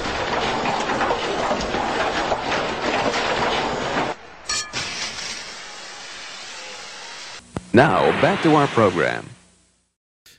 No dobrze, witamy po przerwie. Wracamy, e, za- zamykając jednocześnie segment This Month in Stupid. Um, powiedzcie proszę bardzo, e, o czym, e, o czym chcecie w sumie zacząć. Na pewno o Zeldzie, bo graliście w Zeldę. Więc będziecie chcieli No nie no, się chyba retro miało być. Czy Retro? No, retro? zacznijmy od Dobrze, retro. to możemy, możemy, możemy zacząć od retro, więc y, postanowiliśmy, że e, zaczynamy sobie retro kącik i każdy z nas em, będzie mógł wybrać e, co miesiąc inną gierkę, w którą będziemy grać i będziemy ją sobie potem omawiać. Mm, Na pierwszy rzut wybrałem e, automodelistę, grę z PlayStation 2 tudzież z GameCube'a. E, Jeśli ktoś, y, ktokolwiek by miał zamiar grać na GameCube, to tak. Ona było. była chyba lepsza ta wersja, nie? GameCube'owa lepiej działała, tak pamiętam. E, nie, chyba, chyba GameCube'owa. Znaczy, wiadomo, że na GameCube wszystko lepiej działa, nie? No to jakby inna sprawa. Mm. Ale GameCube'owa nie wiem, czy była poza Ameryką w ogóle wersja, czy była tylko ta amerykańska, właśnie gorsza? Chyba tylko europejska była. Czy tylko europejska? Okej. No dobrze, więc tak, warto Ale tutaj zacząć o tym, że. Nie sprawdzałem. że automodelista jest dość dziwną grą pod tym względem, że będąc arcade'ową wyścigówką, e, ma dwie swoje wersje. I ma wersję europejską, japońską, amerykańską. E, I dlaczego mówię dwie, skoro wymieniłem trzy? No bo europejska i japońska to są właściwie te same wersje, a e, wersja amerykańska różni się modelem jazdy. Mm, Różni się modelem jazdy tak drastycznie, że właściwie każdy samochód e, na każdym zakręcie chcecie zabić. Właśnie w którą stronę się to I różni? po Bo ja prostu- grałem tylko w tą wersję europejską e, i jestem super ciekaw, czy to sprawia, że ta amerykańska jest taka bardziej outronowo-barnoutowa? Ślizgawica się robi? Amerykańska, y, wiesz co, ja, ja ci powiem tak, ja, ja grałem na samym początku wersję amerykańską i miałem właśnie takie, co jest, przecież to kompletnie inaczej się w to grało, co się w ogóle stało. No okazało się, że tak, to była wersja amerykańska, y, którą z absolutnie legalnego źródła pobrałem. Mm, No i, i ta wersja amerykańska różniła się tym, że, znaczy ma, ma pewne poprawki, ale zanim przyjdziemy do poprawek, no to y, sterowanie zdecydowanie gorsze. E, pod tym względem, że każdy samochód tam driftuje. Absolutnie każdy. I to driftuje absurdalnie, bo dochodzi do momentu, gdzie ty wchodzisz w zakręt i bardzo delikatnie skręcasz, byleby tylko błagam, nie obróć się, nie obróć się. O nie, obróciłeś się, no i niestety zaczynasz wyścig od nowa, no bo już nie dogonisz tak nikogo. Um, więc sterowanie jest y, do dupy, absolutnie. E, Z kolei w europejskiej jest y, i w japońskiej jest ten problem, że samochody praktycznie w ogóle nie chcą driftować. E, Właściwie jednym, jedna możliwość driftu to jest y, zaciągnięcie ręcznego, co będzie się równało albo tym, że wyjdzie ci w miarę jakieś coś na miastka driftu, poślizgopodobne to jest albo wtedy, no. albo, albo cię obróci i właśnie przegrywasz. I restart, bo tutaj to jest gra z tych czasów, Tak. gdzie jakiś rubber banding nie istnieje. Jeżeli uciekną ci wrogowie, to już w zasadzie jest koniec. Em, poza tym w amerykańskiej wersji poprawili to, że jak na przykład masz listę wyścigów w tej pseudokampanii, em, to masz e, przy nich napisane, co ci każdy wyścig daje. W wersji europejskiej tego nie masz, a w amerykańskiej masz, że na przykład ok, to odblokowuje jakiś inny samochód, to odblokowuje jakąś część, to coś innego, tak? Em, nie wiem jak wy, ale ja y, doszedłem do bodajże stage'a siódmego czy ósmego, nie pamiętam. No i y, w tym momencie stwierdziłem, znaczy inaczej, musiałem kupić nowego pada, bo jednego prawie zrujnowałem tej grze. Ponieważ nie wiem dlaczego, ale na samym początku gra jest super prosta. Właściwie każdy wyścig po prostu wchłaniasz. Jest y, super łatwo. A w pewnym momencie to już jest nienormalne, co tam się dzieje. To jest y, absolutnie niemożliwe, żeby dogonić y, swoich przeciwników. Chyba, że jakiś, nie wiem, e, obejrzysz sobie guide, gdzie koleś dokładnie mówi, jak masz zrobić tuning i tak dalej. I jak każdy zakręt idealnie brać, żeby jak najmniej prędkości stracić i żeby ewentualnie to wygrać, tak? Albo po prostu blokować cały czas, y, wyjechać jakiś, jakimś scenem do przodu i zablokować przeciwników. Co praktycznie nigdy nie To działa. jest mój największy problem z tą grą, ale nawet problem sięgający czasów y, oryginalnej premiery, bo ja tę grę miałem, oczywiście y, w wersji pirackiej, i ja w tę grę nie umiałem grać, mimo tego, że ja lubiłem wyścigi. Ja nie za bardzo rozumiałem dlaczego, jakby mi nie wychodzi. E, ta gra wymaga dużej koncentracji na tych aspektach, które nie powinny się w ogóle w tej grze znajdować, bo to miała być gra arcade'owa, a ja mam tutaj się, no pocić nad dobrym tuningowaniem pojazdu, nad dobrym doborem tego pojazdu. Jeszcze wybieramy ze sporej grupy. Nic nam tutaj w żaden sposób nie próbuje podpowiedzieć. Jest taka bardzo e, oto twój garaż, robisz co chcesz, nie? Jakby to jest takie podejście z, z, bardziej z symulacji. E, I potem wpadasz na ten arcade'owy tor, to, to wiecie, z tą wspaniałą shadowaną oprawą e, i, i rzeczywiście to, co tam zrobicie w tym garażu wpłynie na to, czy ten wyścig będzie akceptowany, czy nieakceptowalny. Ja nie doszedłem tak daleko jeszcze. E, Gram dość powoli, jestem na czwartym levelu wyścigów. E, Trochę rzeczy powpadało, więc jakby po prostu zwyczajnie nie mogłem tyle grać, ile chciałem. I trochę z tym właśnie parasymulacyjnym motywem ja mam problem. A jeżeli jeszcze są problemy, no to dokładam oczywiście liczbę tras. Eee, ile tam jest tras? 8? Jest mało. No coś koło Jest 8, jedna myślę. trasa wjazdowo-zjazdowa. Są mirerowane jeszcze tam, więc... Jest na pewno Rocco Hill, Akagi Hill. E, to są właściwie cztery trasy. No, masz downhill, uphill. Mhm. Mm, Masz Suzukę, masz tor, masz tor Suzukę, Suzukę. no to jedyny prawdziwy tor w grze. Masz dwie trasy e, w Tokio Tam high, highway, tak. No. i tam takie owalne, to takie coś.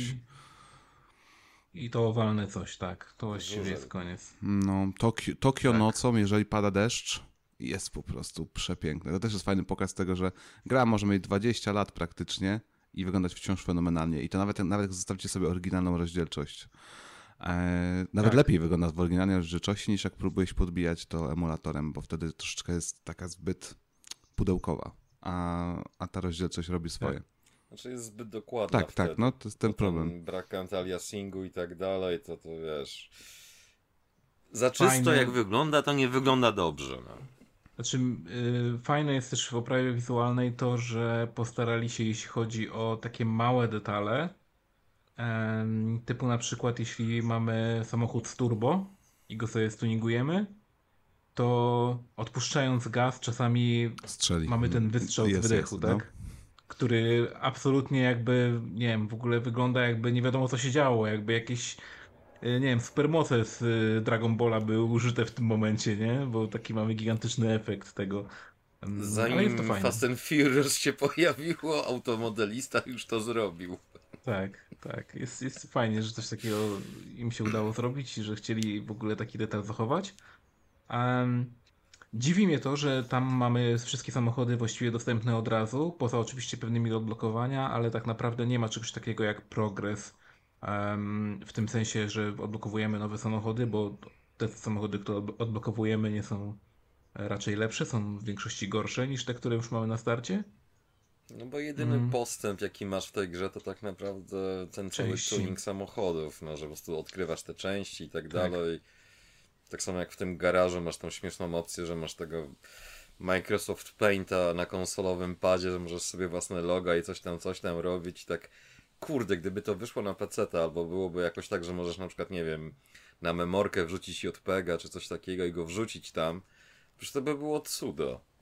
No tak to się pieprzysz z tym rysowaniem i tak No tak, no. Znaczy to, to fajnie akurat y, było rozwiązane w pewnych grach, no bo wiadomo, y, Forza miała te swoje na przykład takie robienie właśnie tych y, livery przez jakieś tam kształty, a z kolei miałeś na przykład Gran Turismo, które pozwalało ci dosłownie wektorową grafikę wrzucić do, przez stronkę do gry, tak?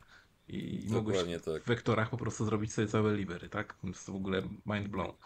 Um, ale tak, ale automodelista pod tym względem była w jakiś tam sposób rozwinięta. E, brakuje mi tam wiele, mimo wszystko, rzeczy. Przede wszystkim sterowanie samo w sobie jest potraktowane bardzo mocno po macoszemu. Mm, Pod tym względem, że na przykład nie, nie czuję osobiście różnicy, czy ja jadę samochodem, który ma napęd na cztery koła, który ma napęd na tylne koła, na przednie koła, czy ma silnik z przodu, po środku, z tyłu. Nie ma żadnej różnicy tak naprawdę prowadzeniu. Ogólnie nie ma. Jeśli ustawisz sobie ma- samochód, ma- masz tam ten auto-tuning, więc jeśli sobie ustawisz go na przykład maksymalnie na drift, to po prostu samochodem się nie da sterować. Jeśli go sobie ustawisz maksymalnie na grip, to przed każdym zakrętem musisz hamować do zera, żeby jakkolwiek się w nim zmieścić. Mm, I właściwie nie ma złotego środka. W pewnym momencie masz już tak mocne samochody, e, właśnie na tym levelu, na którym ja tam mniej więcej skończyłem, że one już mają po 500-600 koni. No i w tym momencie nim jazda po tej górskiej trasie, gdzie AI oczywiście jedzie perfekcyjnie, no jest wręcz niemożliwa, tak? Dodatkowo mamy coś takiego, taką mechanikę tunelu powietrznego, więc jak jedziemy za e, jakimś samochodem, tak, to my łapiemy więcej prędkości przez to, że jedziemy w jego tunelu aerodynamicznym. To jest fajne, teoretycznie ma to dużo sensu. Dopóki sam nie oberwiesz ty, A w tym praktyce? tunelem, tak? Jakby za każdym razem, kiedy ty wyprzedzisz Tak, oczywiście. kogoś, potem od razu ci bierze, a on tak super przyspiesza w tej grze. To nie jest tak jak w normalnych dzisiejszych Oczywiście. wyścigach, tylko to jest nagle takie turbo, jakbyśmy nitro dostali, nie? W Need for Speedzie. Tak, Tak, Slipstream, którego żeśmy omawiali. Tak, to, to, to jest y, problemem, ale większym właściwie problemem jest to, że e, podczas tego tunelu powietrznego twój samochód się zachowuje absolutnie inaczej. I w, mm, właśnie tam, gdzie się zaciąłem, na górskich trasach, gdzie jest dla mnie bardzo ważne to, żeby mój samochód był przewidywalny i po prostu jeśli ja wchodzę w zakręt, to chcę że wejść w ten zakręt tak jak sobie przemyślałem to, że w niego wejdę, a nagle nie, wpadam na przykład w tunel powietrzny, albo jechałem w tunelu powietrznym sekundę wcześniej i ten zakręt nagle się robi dla mnie niemożliwy praktycznie, no bo moja, moja fura cały czas przyspiesza, a ja próbuję zwolnić, no bo kurwa jest zakręt, tak? Więc... Yy...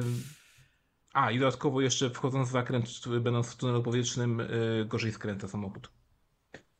Z jakiego powodu? Nie mam zielonego pojęcia. Tak sobie po prostu wymyślili. Więc to jest dodatkowy minus. Ale, Więc w pewnych momentach ty wręcz unikasz tego tunelu. ale, ale, żeby nie wpaść tutaj tylko i wyłącznie jakby w jedną narrację, to jest też gier- giereczka, która sporo rzeczy fajnie przewidziała. E, takie właśnie podejście do kampanii wydaje mi się, że jest dzisiaj bardzo popularne.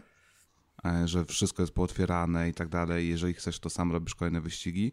E, W czasach PlayStation 2 kampania była raczej, wiecie, e, dostajesz klasę pojazdów, tak jak to robił Burnout, tak? Kilka różnych wydarzeń do wyboru i jak ci się uda tutaj pozbierać złotka, no to lecisz dalej. Rzadko kiedy było to tak otwarte, jak jest tutaj. Eee, Od zera do bohatera po prostu zazwyczaj było. W tak. Brakuje w sumie tego, bo tutaj od zera do bohatera to jest poziom trudności przeciwników, o którym mówił Azji, gdzie pierwsze 10 wyścigów w grze jest super fajne, a potem nagle zaczyna się robić ej, ej, co, halo, hej, czekajcie. Nie? Tak, dodatkowo jeszcze e, poziom, e, Ale co się stało? Było łatwo. poziom twoich przeciwników jest w pewnym sensie skalowany do tego, jakim samochodem ty jedziesz.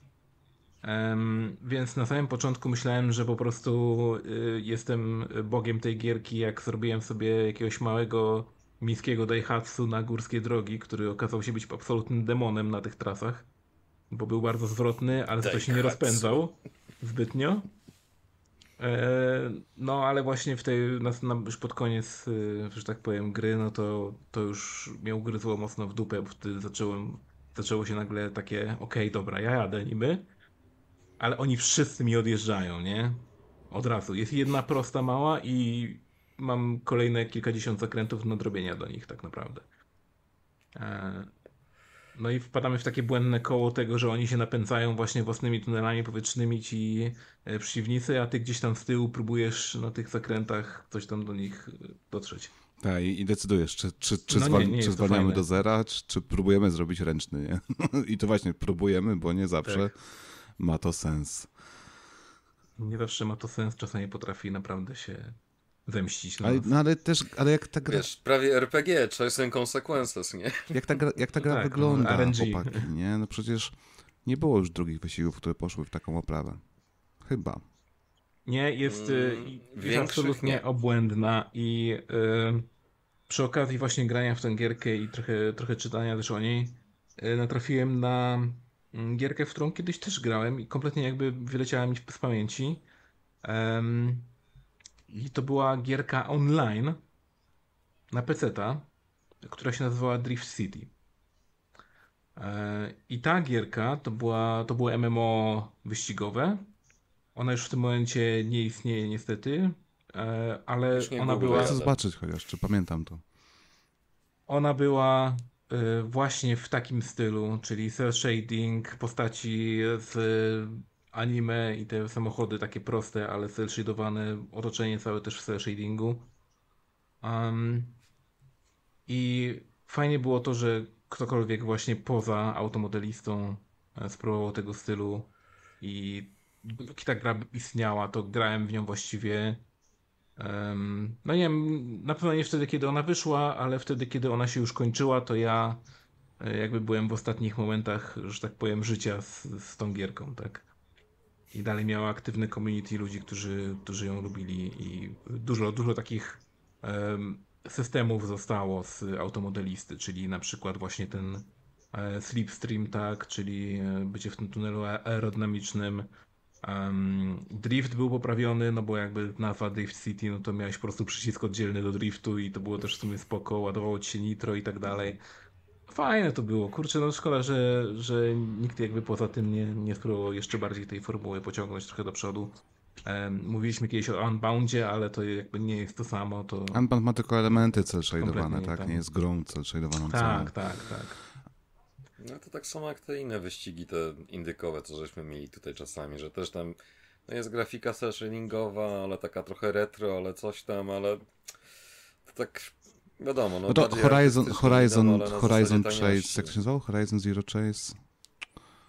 E, Horizon, Chase, Chase, Turbo. Turbo. no przecież ta gra jest fantastyczna, tak? Jakby, I ona też jest cel shadowana i Dwójka wyszła yy, teraz. calutką zrobiłem na Tak. 100% jeszcze jak była tylko i wyłącznie na e, Apple Arcade. na telefonie przyszedłem całą tą grę.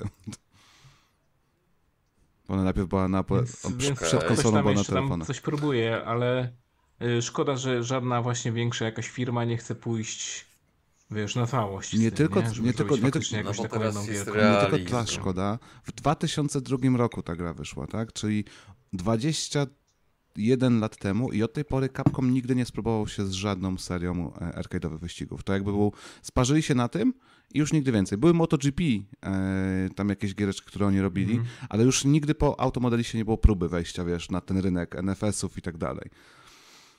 Jeśli chodzi o Capcom, to może i słusznie, no. Jakby nie wyszło im to kompletnie. Jakby gdyby to robił ktokolwiek, gdyby to zrobiło Genki, to to by była świetna gra. Ale, Ale ale, niestety, może nie? Automodelista 2 byłby już, wiesz, kompetentnym e, tytułem, no kurczę. Być może. Przypominam wszystkie etapy wyścigowe w jakiejkolwiek grze Capcomu, gdzie musisz jechać. Nie, nie byłby. nie Jezu, byłoby. jest tam, jest tam absurdalny system e, tych maili, które dostajesz cały czas i cały czas cię męczą, że ej, masz nowy mail, przeczytaj go.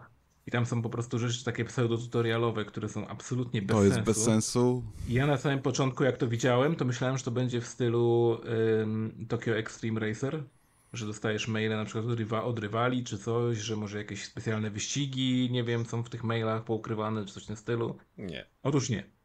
To jest y, coś, co można absolutnie skipnąć, ale nie omieszka cię wkurzać za każdym razem, kiedy wychodzisz do menu i słyszysz ten że masz nowy mail, jej, przeczytaj go sobie, no. Brakuje tam przycisku niestety, przeczytaj wszystkie, tak? Czy oznacz wszystkie jako To jest przeczytane. kolejny kamyczek w tym, że ta gra jest po prostu niewygodna na poziomie menusów też. Tak? Zapisywanie tej gry, kombinowanie z samochodami, to wszystko się ciągnie i się wlecze i człowiek nie chce siedzieć w tych menusach. Chciałby więcej jeździć, a w tej grze się więcej siedzi w menu niż się jeździ. W garażu też na się samym początku- na trasie. Na samym początku nie, ale właśnie w tym momencie, w którym ja teraz jestem, to tak, bo no mówię, test, to testuje moją cierpliwość ta gra, autentycznie testuje, Yy, bo ja wyjeżdżam, no, robię jakiś nowy tuning, robię nowy samochód kompletnie, wyjeżdżam nim i wiesz, kilka pierwszych sekund i już wiem, że on jest do dupy i muszę znowu wyjść i, i robić coś innego i kombinować. Mm. E, Autotuning pod, pod daną trasę absolutnie nie działa. To jest jakby scam roku. E, Proszę tego nie, nie używać nigdy. Em, najlepsze jest to, że autotuning potrafi popsuć dosłownie samochód. W sensie e, potem wchodzisz sobie w te w upgrade'y i patrzysz tak no dlaczego to mi nie dało najlepszych hamulców, które mam, tylko dało mi te gorsze. Jakby ja rozumiem, że turbo mi dało trochę gorsze, bo ono na przykład od niższych obrotów działa, to okej, to ma sens, ale dlaczego hamulce, nie? Dlaczego zawieszenie, nie? Dlaczego opony mam lipne? W ogóle co się dzieje, nie? Więc nie ufajcie tuningowi automatycznemu. To, to nie działa. I włączcie sobie tą grę tak na Nie time triala. O, to jest coś takiego. Włączyć ją na, na dwie godzinki w time No. trialach, w single race'ach i tutaj doświadczenie z automobilistą mogłoby się zamknąć, moim zdaniem.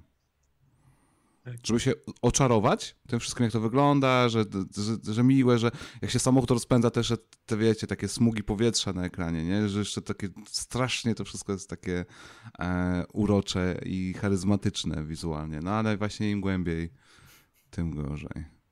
Ale, ale Darkowi się tak. nie podobało od samego początku chyba. Nie, że mi się nie podobało, tylko właśnie to, co mówili, jeżeli chodzi o kwestię modelu jazdy, że niby drift, ale ten drift działa, bo nie działa. Ja lubię prosty drift, Ridge Racerze i tak nie no, Rich to jest perfekt. Rich pozwala ci zrobić trzy okrążenia wielkiego wyścigu, nie wychodząc z jednego poślizgu. Właśnie o to mi jest, chodzi. To jest po prostu niesamowite, nie? Te, te późniejsze Ridge to jest, to jest ten element. No ja rozumiem, o co ci chodzi też właśnie, że te, no burnouty, outrany w tamtych latach właśnie PlayStation 2 pokazywały te takie super arcade'owe ślizganie się samochodzików i to było super. Automodelista jest taki właśnie, że nie za bardzo Wiesz, wie, w którą ja stroną chce iść. Jadę właśnie... No właśnie o to chodzi i to jest ten problem tej gry moim zdaniem, że po prostu chcieli, ale w sumie tak nie mieli jaj, żeby pójść w pełnym, konkretnym kierunku, bo to takie trochę takiego Gran Turismo, trochę takiego arcade'a, trochę takiej lekkiej gierki, ale w sumie ta lekka gierka to się szybko kończy tak naprawdę. Bo im dłużej w to pograsz i dłużej mam na myśli 2-3 godziny, czyli tak tam powiedzmy, nie wiem, trzeci, któryś tam tor, whatever. To już tak, aha, dobra, no to nie mogę tak po prostu sobie pojeździć na przykład dopieprzyć turbo, nitro czy coś takiego, tylko nie, właśnie Zaczyna muszę się robić posiedzieć, tryhard. kurde, i sprawdzić. No, to? I trzeba tak, tryhardować, kurde, no. naprawdę, to restart, restart. A nie ma jeszcze restartu prostego, trzeba wyjść z wyścigu, zacząć go od nowa. O Jezu. I te pieprzone replaye, które cały czas. I, i musisz wcisnąć kompletnie nieintuicyjny przycisk, żeby wyjść z, z replayu, nie? Bo ty maszujesz po prostu ten X i kurwa, czemu nie wychodzi z tego replayu? No co jest? No. A szkoda. Wrong button. Szkoda, szkoda, szkoda, ale jednocześnie wciąż jest to giereczka, która pozostanie w moim serduszku taki malutki, taki wiecie, centymetr, może nie, y, y, mi, milimetr y, sześcienny jakiś taki otrzyma mojego serduszka, że, że będę pamiętał, że ja kocham cel shading i mi szkoda, że na PlayStation 2 jakby ta oprawa już w zasadzie została.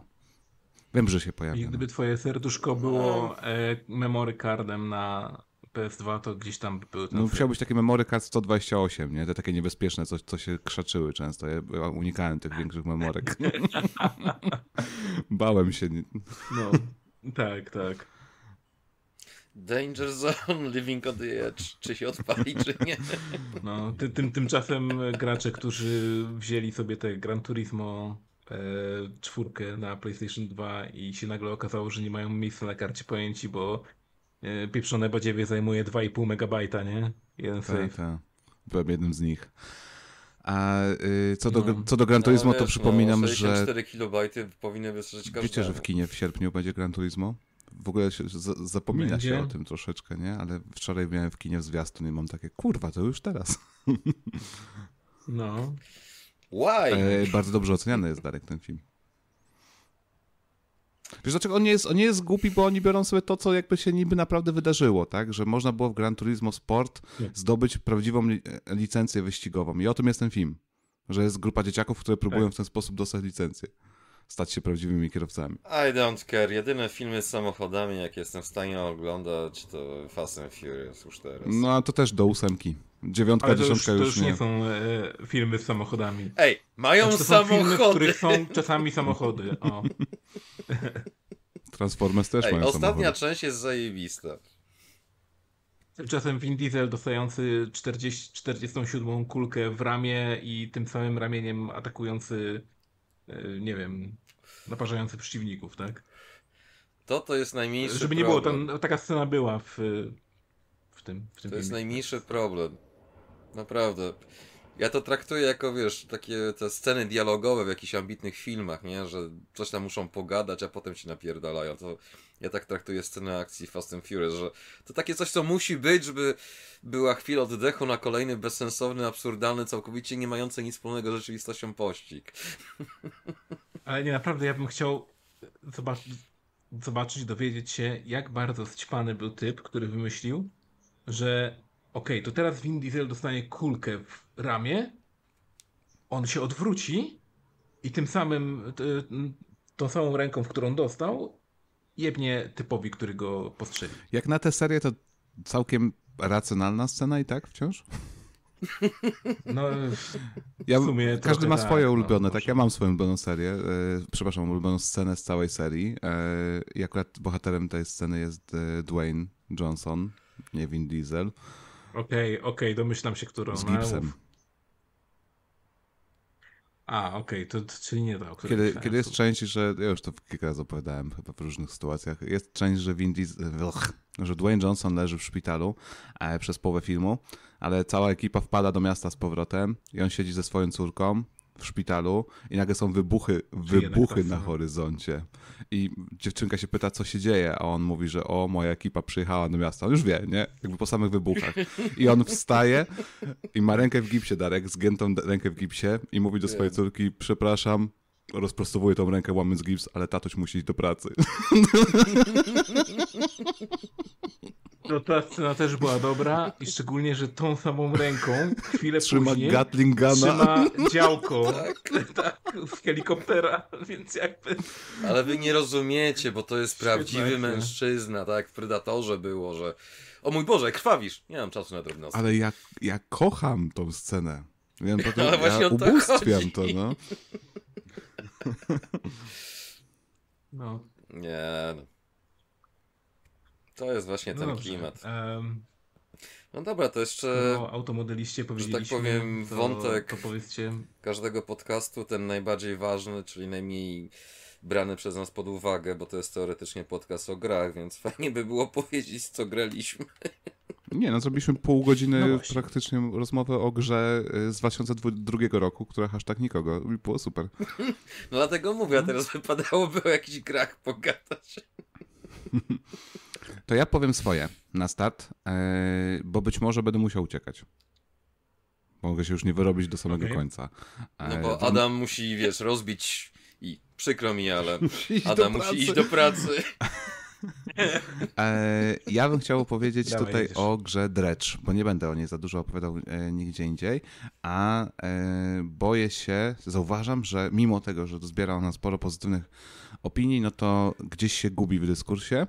Na razie też no nie, nie, nie grałem aż tak dużo, jakbym chciał w gry tegoroczne, ale na razie to obok Hi-Fi Rush jest ta druga gra e, fajna w roku, znaczy pozycja druga, zaraz wiadomo po Zeldzie, bo Zelda, bo to Zelda, nie? Ale Hi-Fi Rush i Dredge to są dwie naprawdę super przyjemne giereczki.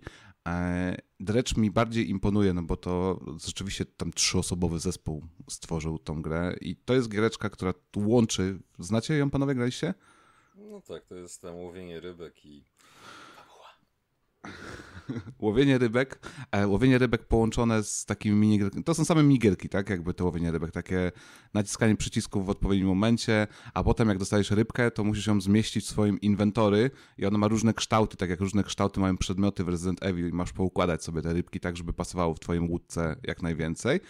E, Czyli to jest praktycznie, najprościej mówiąc, każda gra, mm, znaczy inaczej, każdy element łowienia ryb w RPG-u plus Resident Evil man- Management. nie tylko to jest z Rezydenta. Jakbyś to chciał Nie skrócić. tylko to bym dał z Wiem. rezydenta, ponieważ świat, po którym się poruszamy, Jest właśnie twist. jest taki mały twist. Świat, po którym się poruszamy, jest taki, hmm, no wszystko się dzieje na początku XX wieku, jest takie mocno retro, ale też ludzie są dziwni, z którymi rozmawiamy. Na przykład jak nam się czasami złowi ryba, która jest pierdolnięta. E, Bo są normalne rybki i czasami raz w czas się łowi ryba pierdolnięta. Na przykład taka, co ma cztery oczy zamiast dwóch. Albo jakieś dziwne macki z niej wystają, nie? Simpsons. I w ogóle taka dziwna wtedy efekt dźwiękowy jest, jak się te pierdolnięte ryby zławia. Jak idziesz sprzedać taką swoje rybki do, do rybaka i on widzi tą pierdolniętą rybę i mówi, że za tą da ci więcej. Jak to bierze, to już widzisz, że on ma ochotę to zjeść od razu, surowe. I masz takie, no coś tutaj wszystko jest takie dziwne, nie? I wszyscy do tego wam mówią, że w nocy to lepiej nie pływać. Bo e, poprzedni nasz rybak pływał w nocy i teraz nie wiemy za bardzo, co się z nim stało. I w nocy rzeczywiście e, spada, spada mgła na ten cały archipelag, po którym się pływa. Zaczyna się robić mocno creepy i pojawiają się rzeczy. Te rzeczy mogą być czasami malutkie, śmieszne, a czasami wielkie, olbrzymie. Jak ktoś ma talasofobię, to może być nawet troszeczkę taki oj, oj, e, coś pływa i na mnie się czai w tych głęb, głęb, głębinach. E, oczywiście jest to taki vibe mocno Lovecraftowski, slow horrorowy, tak? Czyli postać, która powoli zaczyna szaleć z powodu tego, co się dzieje. Nasz bohater może mieć zwidy, jeżeli nie dajemy mu za bardzo odpoczywać, jeżeli nie śpi w nocy, a jeżeli za dużo ma tych dziwnych, horrorowych przygód, to tam się dzieją rzeczki. E, bardzo mi się podoba nastrój tego, że gdzieś tam łowię sobie rybki i mam niby jeszcze zdążyć wrócić za dnia, ale jednak nie zdążyłem i muszę nocą wracać przez takie gęste mgły i coś tam na horyzoncie pływa, ja to widzę i mój bohater jest zestresowany. I gdzie ta latarnia? Gdzie ta latarnia? No już, już jestem na tym etapie, że dawno ta latarnia nie jest moją przystanią, ale e, działa na mnie ten, ten, ten vibik. Na tyle, że zacząłem, kupiłem sobie kilka zbiorów Lovecrafta i czytam wszystkie okołomorskie, wodne opowiadania, jak- jakie napisał. Tak więc to jest Dredge. The more you know. Bardzo fajna rzecz. Zwłaszcza dla tych, mnie, którzy... Zachęciłeś mnie. Słucham, słucham? Zachęciłeś mnie. Tak? Tak. No to Podoba mi się koncept.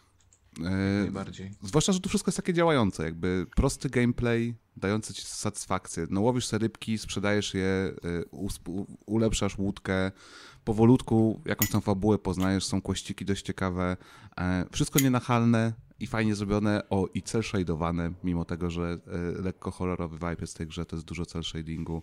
No nie, no po prostu Ale on działa tak, tam. tak, tak. Działa właśnie, mimo tego, że ta gra próbuje być straszna, klimatyczna, gęsta, to nawet y, to i tak jakby tutaj oprawa nie przeszkadza. To, to wszystko działa. Łykasz ten świat. No, jest spoko. Naprawdę. Jeszcze nie skończyłem, e, ale tak mnie powoli chęci, żeby powiedzieć druga najlepsza gra roku.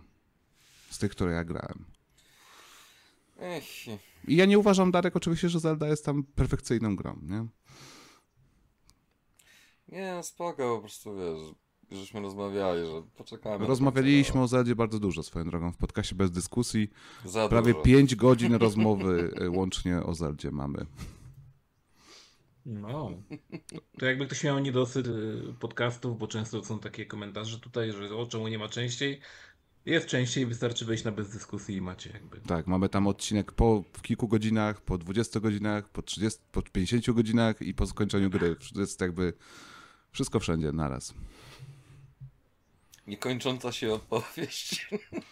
I, i ja, który I jest smok, więc... jest smok i ja tam w pewnym momencie odstawiłem palenie i jestem wściekły na Darka przez pół odcinka, bo mnie wkurwia.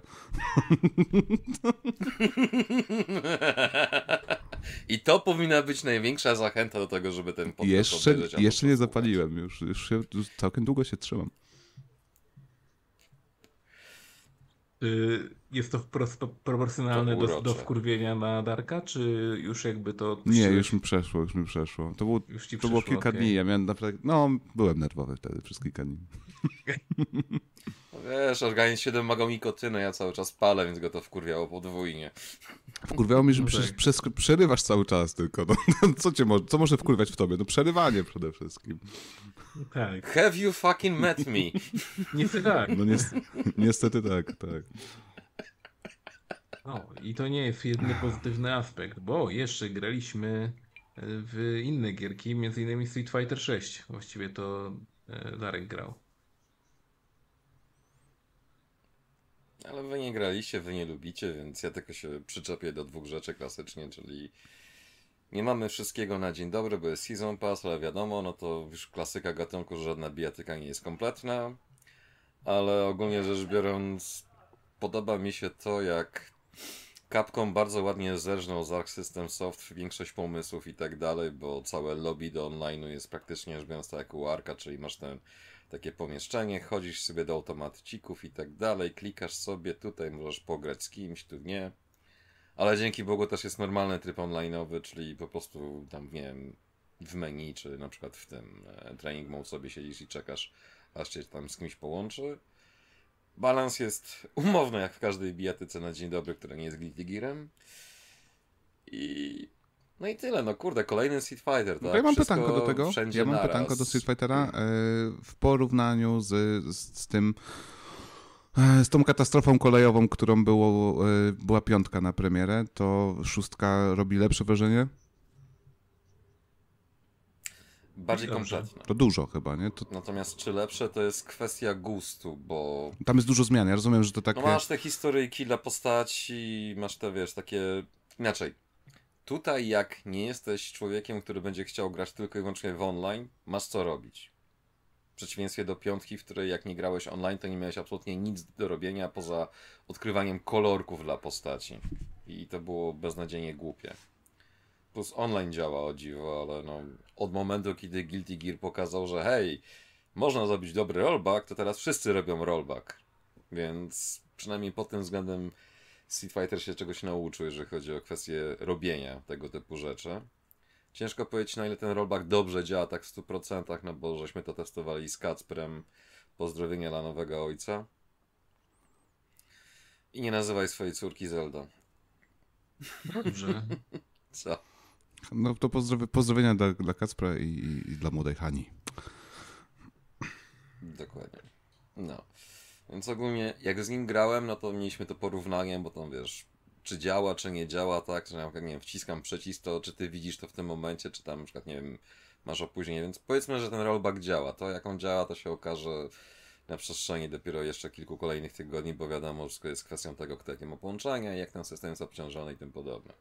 Ale ogólnie fajnie się w to gra. Kasprowi się podobało. Mi się niespecjalnie podobają te wszystkie efekty graficzne, że praktycznie co jakiś tam atak to kurde ta farba wszędzie eksploduje i ale o co chodzi? Balans mówię, no jest umowny do tego stopnia, że rzuty są przepowerowane w tej grze do tego stopnia, że po prostu aż mnie bawiło momentami, że on coś tam kombinuje tak rzut, rzut, po prostu. Więc ogólnie spoko, no fajnie. Za pół roku to będzie bardzo dobra bijatyka, być może zbalansowana na chwilę obecną. To jest po prostu Street Fighter i cały czas jest tylko kłótnia największa, czy tryb modern, który nie jest wcale ani niczym nowym, ani modern. To czy jest takim złem i tym podobne? Nie, nie jest, ale z drugiej strony, jeżeli ktoś dostaje w pierdol, a uważa się za bijatykowego mistrza od człowieka, który naciska przyciski po prostu i mu wychodzą hadokeny i tym podobne, to może powinien zmienić określenie dla samego siebie. Ogólnie spoko, no. Plus pół żartem, pół serio. Podobają mi się te wszystkie artykuły z gatunku obrażonych debili, że kostium dla Kemi nie powinien powrócić, bo jest zbyt uwłaczający kobietom i tej całej drodze, którą przeszła branża growa. Zamknij ryj po prostu. Po prostu. No. Idealne podsumowanie. Co? Powiem ci tak, powiem, po, po, powiem ci tak, niewiele w dzieciństwie grałem w Street Fightera, ale kostiumkami pamiętam. pamiętam bardzo dobrze. No I to wcale nie, ozna, to wcale nie oznacza, że szkoda. powinien wrócić. Em, super to było. A szkoda. Jakby tymczasem Dead or Alive, tak? Gdzie mamy dosłownie No bikini króliczki, tak? Walczące ze sobą, o czym mówimy, No. tak?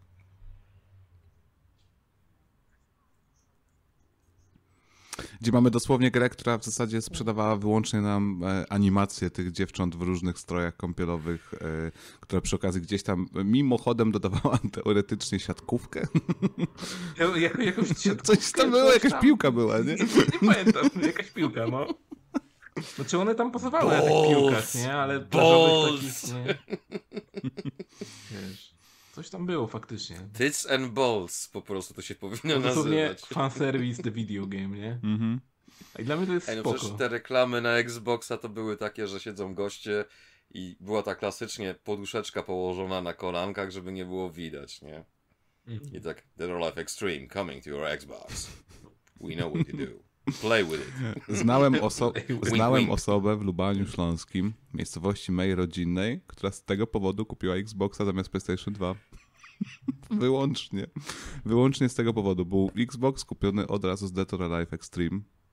To była jedyna gra, którą kupił sobie z konsolą. Bardzo podziwiam, podziwiam. Ja też jestem pełen podziwu, nie? Ale kolega odkrył potem E, internet. później tak, później tak. To, to, był, to były jakby początki internetu w naszej miejscowości, więc mógł jeszcze być Jakby- lekko do tyłu. A, no to... Kupienie dla mema jest wszystko fajne, tłumaczy. jakby, okej, okay, did it for the lulz tak zwane, tak? Ale ogólnie to właśnie jest internet, więc jakby, okej. Wiesz, ja mam tylko jedno pytanie. Czy on w to grał, czy grał? Znaczy, na pewno jakaś aktywność była.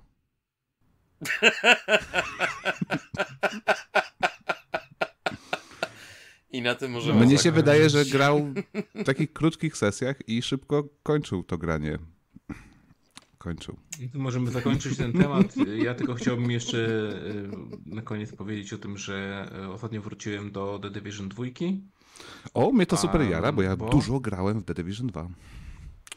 Ja bardzo dużo grałem w jedynkę, w dwójkę również zresztą i teraz wróciłem, e, bo jakimś cudem umknął mi w ogóle dodatek ten Warlords of the New York.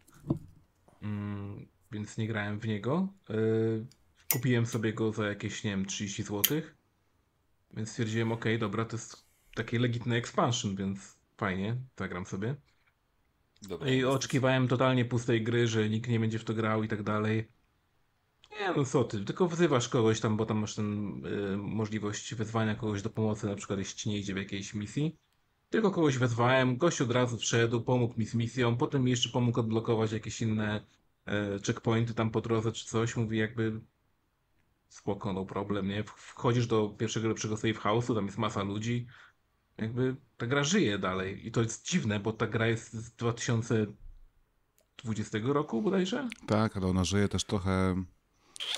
Nie, nie chcę tak powiedzieć, bo chciałem powiedzieć, że ży- żyje siłą rozpędu jedynki jeszcze, ale po prostu dwójka była kompetentną strzelanką. Ja, który nie lubię piw-paw, dużo grał w, w The Division 2.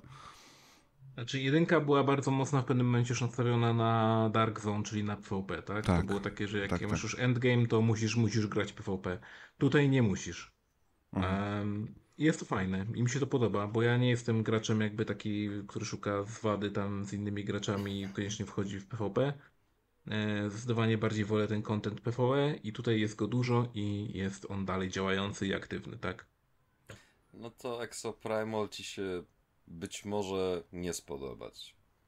A, i jeszcze ma y, crossplay teraz, więc no. Ja bym powiedział, ja bym powiedział Darek, jak ty ty wchodzisz w takiego y, to segwaya zrobiłeś, że, y, cross, że Exoprimal się spodoba spokojnie osobie, która właśnie nie lubi e, PvP mocno. Bo PvP jest najgorszą częścią Exoprimala. Dla mnie. No właśnie, ale chodzi o to, że tam jest tak dziwnie zrobione, że masz teoretycznie możliwość grania nie PvP, ale i tak się kończy na PvP. Bo możesz grać po prostu na zasadzie tak, znaczy możesz, tak to działa, że masz ten tryb PvE i tam ileś segmentów w danej misji przechodzisz normalnie ze swoją drużyną, napierdalając Tylko, że cały czas ci mówią, robisz to wolniej lub szybciej niż drużyna Albo wroga, nie? Szybciej, specjalnie tak. ci jeszcze mówiąc, że ej, nie zapomnij, że w tym momencie druga drużyna robi to samo i robi to szybciej od ciebie, nie? Tak, I have awarded the secondary team who is progressing better, bla bla bla, coś tam, coś tam, bla bla bla. Tak, żeby cię zmotywować, ale wkurwić bardziej. Mhm. To jest prawda. Przynajmniej u mnie to tak działa, że ja nie lubię jak... Jak ktoś mi mówi, że robię wolno, skoro, mi, skoro właśnie szybko pokonałem dinozaura, ktoś mówi, no fajnie, ale robisz to wolniej niż przeciwnicy. Dzięki No dzięki i gro, nie? jest właśnie to, że jak już potem przejdziesz ten taki normalny segment tej misji, to masz tak zwaną rywalizację. I ty mówiłeś, że tobie się tylko odpaliła ta kostka, jak taka, co musisz eskortować. A mi się jeszcze odpaliła po prostu dosłownie deathmatchowa walka, że masz zabić przeciwną drużynę, czy coś w tym stylu i tyle, nie? I najfajniejsze z tego było, że teleportowałem się pseudotyranozaurem i zacząłem napierdalać biednych ludzi w egzoszkieletach. Wiesz, to jest tutaj e, przy takiej grze, przy takim systemie progresji problemem, e, że jeżeli traf, trafisz na deathmatch w grze, gdzie normalnie leveluje się postać i kupuje się coraz lepsze rzeczy, to ktoś, kto grał po prostu 4 godziny dłużej od ciebie, zmiażdży cię od razu. Albo kupił Season Passa, który ci odblokowywuje wszystko, co jest w tej grze do odkrycia, czyli wszystkie te egzoszkielety dodatkowe, Mam- mam tego- po jakimś czasie się odblokują. Aha, bo ja mam tego Season Passa. A widzisz, ty dziennikarska łajzo. Ale wciąż, co z tego, że mam wszystkie jego szkielety, jak każdy jest na, na, na pierwszym levelu, czyli i tak muszę kilka Tak. godzin pograć jednym egzoszkieletem, żeby odblokować jego umiejki i pełen potencjał, Tak, tak? ale masz większy wybór na dzień dobry, a nie Tak. na zasadzie takiej, że na przykład, żeby tego samuraja, czy tego... Aha, to tego nie ma normalnie. No Okej, nie. okej, to zmienia postać dwa czy trzy egzoszkielety są A odblokowane. jak szybko się odblokowuje ten, co mm, drugi z atakujących, czyli ten, co bije pięściami, tak drapie? Jest Kurde, super nie szybki. pamiętam. No to, jest, to, jest mój, to jest mój ulubiony Nie egzoszkielet. pamiętam. Nie wiem, z tego co ja grałem, to większość ludzi zapieprza tym pseudo-samurajem i, i wkurwia mnie to niemiłosiernie. Bo ma pseudokatanę. Ja mam taką różową tą katanę. Nie, bo po prostu chodzi o to, że ta postać jest overpowered na tym etapie, szczególnie na początku. Bo jak ty musisz cały magazynek wpierdolić i jeszcze przeładować pięć razy, użyć speciala, drugiego speciala, żeby zabić coś większego, no to on, wiesz, tą kataną będzie sobie skakał tu siup, siup, siup, siup, siup, siup, siup i wiesz, zero tak naprawdę problematyki, jeżeli chodzi o jakiekolwiek balansowanie. No właśnie dlatego ta gra powinna pozostać taką grą drużynową przeciwko dinozaurom. Wtedy jakikolwiek balans tutaj w ogóle nie ma znaczenia. Chodzi o to, żeby się dobrze bawić i strzelać dinozaury, tak? Co, coś, co w tej grze jest przyjemne. Jak się, Tak, jak się gameplay, wysypuje te, te super. 40 raptorów na ciebie i ty użyjesz dobrze ataku jakiegoś tam obszarowego i to wszystko wlatuje w powietrze, masz takie, tak, dobrze, Tak. to jest fajne, no. Fuck yeah! Jest Triceratops i masz takie, tak, odskoczę na bok, będę go strzelał po brzuszku.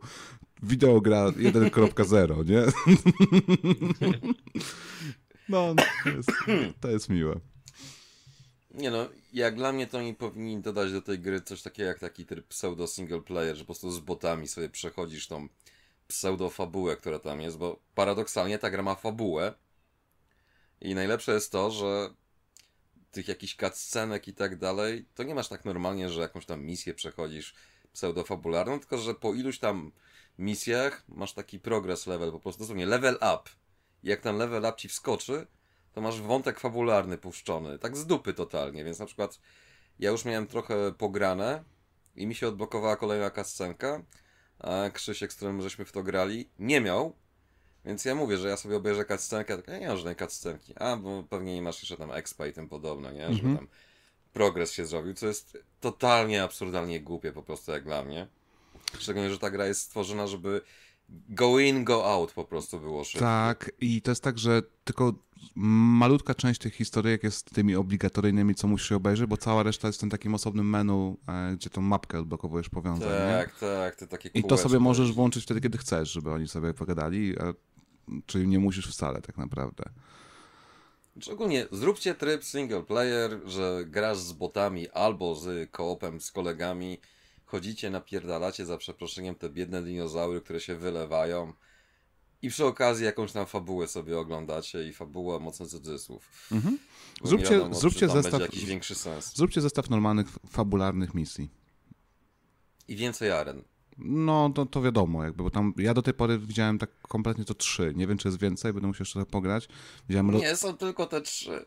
Czyli lotnis, Jest lotni, miasto, miasto, lotnisko, lotnisko i ten kanion i taki. ta pseudo dżungla, coś tam, whatever. Kanion dżungla, tak, tak.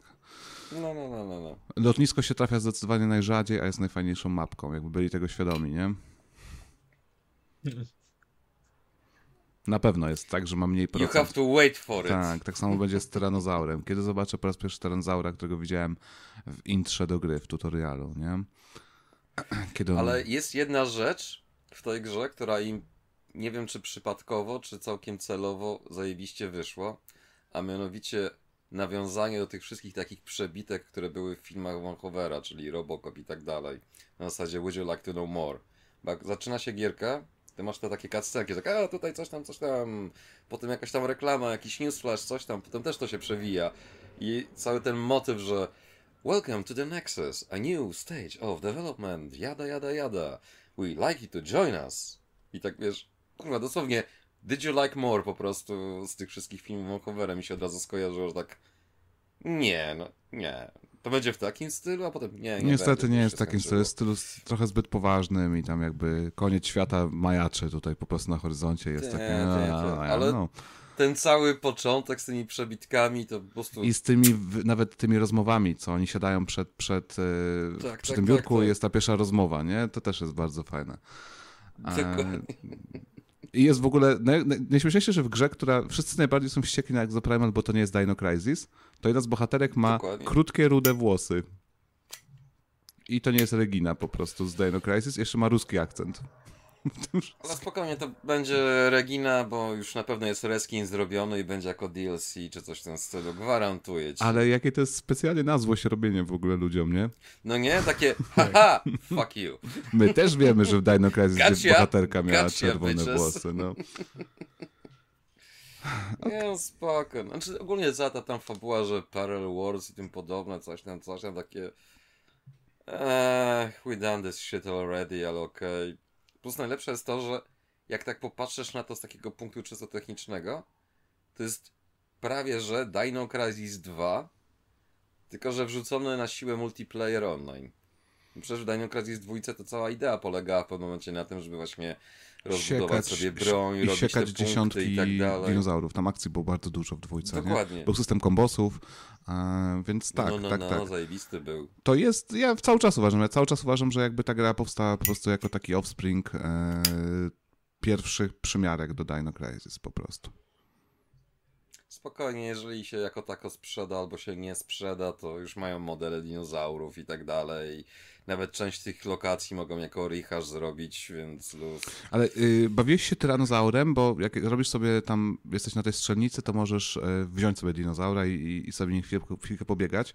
Dinozaur ma atak, No. Którym wyskakuje na 20 metrów w powietrze i robi taki, t, t, taką kometę z, po, z powietrza. Nie?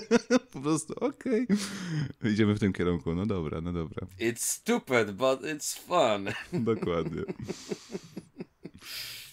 No, dobra. mówiłem ci, że tam w jednej misji po prostu wziąłem tego tyranozaura, odblokowałem i automatycznie mnie teleportowało, żeby napieprzać tą drugą drużynę i tak pierwsza myśl, kurde, what the fuck, a druga, okej, let's kill those bitches. Tak, ale to też jest, to się zamienia teraz już coś takiego, że wszyscy czekają z, tymi, e, z tym super trybem, z tym super sajaninem, e, na moment, Tak. kiedy wpadnie im grać jako dinozaur, tak? I wtedy wszyscy tego używają i nawet jako dinozaur nie za bardzo jest w stanie do nich dobiec, bo tak cię siekają i... No, Mm. ludzie są już, przy, no. już, już, się, już się przygotowują do tego, już wszyscy czekają zawsze. Powiem tak, ja jestem ciekaw, ile ta gra przeżyje, bo gdyby nie to, że ona jest w Game Passie, to ona by już była martwa już teraz, moim zdaniem, bo tam 200 parę zeta, chyba 280 za podstawkę i Season Pass 100 parę. I tam nie ma gry tak naprawdę. Tam masz jeden tryb na chwilę obecną, Y, I ważne, te kilka cross- lokacji na krzyż. Crossplay jest jeszcze dość istotny, tak? No bo ja gram na PS5 i Tak. raczej byłoby biednie, gdyby nie było crossplaya, tak? Dzięki temu cały czas są gracze, nie?